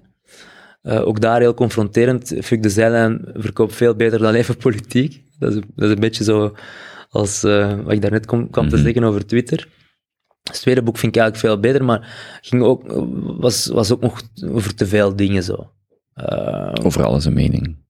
ja, ja wel, met meer, wel denk ik al meer beredeneerd en meer overwogen dan boek 1. Dus Hmm. in die zin is het, ja, te zeggen, de, min, de minder studenticoze titel ook wel wat metaforisch voor de inhoud. Hmm. Ehm, maar ik denk dat ik, als ik, als, ik als ik het nu zou maken, dat ik het nog eh, wat meer keuze, wat meer focus. Is 2020, 2022 een optimistische deadline? Het zou kunnen, ik weet het Je niet. ziet het wel. Ja. Ik zie het wel, ja. Ja. En, en ik vind het eigenlijk ook wel fijn om... Ik ben nu... Ik heb onlangs... eh, Ik heb een, een, een policy paper geschreven voor het Montesquieu Instituut over kiesystemen. Een discussienota voor Rethinking Belgium over de partijfinanciering en de toekomst van partijen. Ik ben nu iets aan het schrijven voor de Hans van Mierlo Stichting en, en ook voor De Helling. Dat is het, eh, dat is het eh, tijdschrift van het wetenschappelijk bureau van GroenLinks. En dus, ja, zo eh, een aantal stukken eh, vind ik eigenlijk ook wel, wel, wel fijn. Mhm. Ehm, en misschien wordt het geen boek, maar een podcast. Hè. Dus, eh, Ehm, dan ga ik u vooral niet meer vragen om een deadline te geven. en u vooral bedanken ook om, eh, om tot hier te komen. Dat is graag ik vond, gedaan. eh, ik vond dat het heel een heel moedige keuze om, om dat te doen. Ehm, Ik krijg soms weinig, maar het valt. Soms komt het toch op dat politici een eh, categorie zijn die altijd zo wat wrijving opwekken, vooral als je... mhm. Maar ik vind het leuk om, om met politici te praten. Ik vind het leuk om, om het, het, het idee van volksvertegenwoordiger serieus te nemen, mee te praten, de mens ook te zien, al dat soort dingen. Ik vind dat, ik vind dat aangenaam, hoewel ik soms wel denk, het is makkelijker om dat niet te doen. Zeker wanneer je, bijvoorbeeld wanneer ik de partijvoorzitters zou doen, dan weet ik dat je met Tom van Grieken en Peter Mertens Mm. wel, uh, Raoul Edenbouw ondertussen, veel meer kritiek krijgt, bij wijze van spreken. Maar ik vind dat belangrijk, ik vind dat leuk om met mensen te praten. Ja. Ehm, het zijn de mensen die onze democratie vormgeven, is een belangrijke groep die onze democratie vormgeeft. En het zijn ook maar mensen, en dat vind ik vooral Ja. leuk. En dan kan je, dan kan je hier... Hier wordt dat iets duidelijker dan eh, op andere plekken. Hè. Dus, eh, Ja. Ik denk dat heel veel politici daar ook wel... Eh, er eigenlijk ergens ook wel zin in hebben om wat langer bij de dingen stil te staan. Ehm, en het riskeert ook niet meteen een, een kop in de krant te worden. Dus Mhm. Ja, als ik moet reclame maken voor jouw format bij de collega's, dan geef je maar een... eh, als je iemand niet gestrikt krijgt Mm. en je zoekt een aanbeveling, ehm, Mm, dan, eh, dan wil ik dat zeker doen. mm, nu ben ik al, ja, Zeker zeker na vandaag. Want wie zou je graag uitnodigen? Als je nu één politicus zou mogen kiezen. Ik vind dat, dat is een moeilijke vraag. Ik zou heel graag drie uur podcast met Hans van Miro. Dat kan uiteraard niet, want die man is overleden. Hmm. Ehm, Weet je, ik zou misschien ook wel, als hij, als hij, als hij, als hij helemaal zichzelf is, hè, want het heeft ook verschillende laagjes. eh, ehm, het is niet alleen de volksmenner, het is ook iemand die nadenkt over de zaken. Zou ik, ik zou wel eens graag drie uur met, met Hedebouw doen. Hmm, mhm. Dat het niet alleen is ching ching ching of pom pom pom, hè, want dat is, dat is zijn... Eh, Ja. Zo iedereen hem kent, ik ken hem ook een stuk op een andere manier. Ehm, Maar dat is natuurlijk, dat is vaak het probleem, is ook de reden waarom ik graag veel tijd vraag. Mhm. Om net eh, ook impliciet te tonen dat, dat er ruimte is. Maar het probleem bij politici, eh, de, ehm, ondernemers ook wel, eh, je bent een verhaal van jezelf gewend te vertellen, of een versie van jezelf. En de vraag is dan hoe ver kun je weggaan uit, ehm, uit dat verhaal in een, in een open gesprek en hoeveel goesting heb je erin? mhm. als hier iemand zit met het idee van, en ik heb denk ik een tiental politici gesproken, en bijvoorbeeld dit gesprek, een ander was met Sami Medi, was ook vrij lang, vrij persoonlijk, dan denk ik, ja, laat maar komen. Als het zo kan, heel graag. Maar ik heb er ook, ja, er zijn er ook andere geweest waarvan ik veel meer voelde, ik ben echt de interviewer en dit is voor u een verplicht nummertje. Ehm, geen probleem, maar dat is wel inhoudelijk en qua gevoel is dat wel een, is dat een heel groot verschil. Ja. En dat is soms, bijvoorbeeld, ik denk, ja, bijvoorbeeld een Raoul Hedebouw is drie uur, maar het, het is moeilijk om een naam te zeggen, ehm, zonder Ja, erbij te zeggen van het, het is wel binnen een bepaalde context. Dat is altijd het, eh, het moeilijke, of het, eh, in die zin helpt het als mensen bekend zijn met een format of Ja. met een programma. Of een oud politicus. Ja, gelijk een oud-generaal. Hè. Je moet nooit met een generaal praten die een functie is, maar een oud-generaal. Nee. Of een, ja, zo iemand. En ja, pas op, ik vind dat wel... En, en sowieso, oudere mensen vind ik sowieso... ehm, praat heel graag mijn leeftijd, be- generatiegenoten, ik zal het zo zeggen. Daarom bijvoorbeeld een Sami, eh, u. er zijn nog een paar waar ik, zelfs een Dries van Langenhoven, waar ik los eigenlijk nog van... Allee, je kunt een mening niet daar los van zien. Mhm. Maar ik, ik zit wel als millennial, ik ben 30, zo voor mijzelf, puur voor mijzelf. De, de, de- het is nu al en bijna aan ons, als in die, die generatie, onze generatie, begint nu echt aan de knoppen te zitten. En dat is voor mij, dat, dat klinkt misschien heel romantisch, maar dat is wel iets waarvan ik denk, ja, maar nee, we zijn ondertussen oud genoeg dat je wel eens, een, nu is de premier nog iemand die een generatie of een halve generatie ouder is, maar geef dat nog tien jaar. En ik vind dat belangrijk om dan met generatiegenoten te spreken. Hoe ziet je de wereld? Een beetje, gelijk wat ik daar straks zei, 30 jaar geleden moest je mensen overtuigen van klimaatproblematiek. Vandaag is elke generatiegenoot die ik ken, van onze generatie, eh, daarvan overtuigd. Punt. Dus ja, dat is, dat voor mij ook Ik ga nog eens nadenken wie dat zou kunnen uitnodigen en ik laat u nog iets weten. absoluut heel graag. En als er mensen naar aanleiding van de uitzending ook eh, vragen of opmerkingen hebben of zo, mogen ze het altijd laten weten. Ja. Eh, Twitter, is dat de beste eh, e-mail? Twitter? ja, misschien een beetje saai, misschien een beetje oud. Wacht, ik saai. kan, gewoon kan telefoonnummer, zal ik gewoon, gewoon. En misschien toch een mail dan, ja. Een mail. Wat, Is dat christophe.calvo? Eh, info at christofcalvo.be. Oké, info at. Ja, en dus... en eh, ja, tot de volgende keer. Het was de tweede keer, dus hopelijk komt er ook een derde keer. Zeer graag. Succes met schrijven en eh merci om tot hier te komen. Dankjewel. Jo. Hallo. Goedemiddag. Hallo. Goedemiddag. De Kobe Show. Mag ik beginnen opnemen? Oh, ja, dat is eigenlijk een goede vraag. Ehm, Oké, we zijn eigenlijk al aan het opnemen. Ik dacht het. De Kobe Show. De Kobe Show. 1, 2, 3, 4. Zeg maar Herman. Dat ben ik. Maak fouten. Kijk om je heen. Kun jij deze eruit knippen? Blijf je verwonderen. Vind het talent in jezelf. Kobe Show. Woe. Oh ja, en luister naar de podcast van Kobe. Vandaag met uw gastheer Kobe.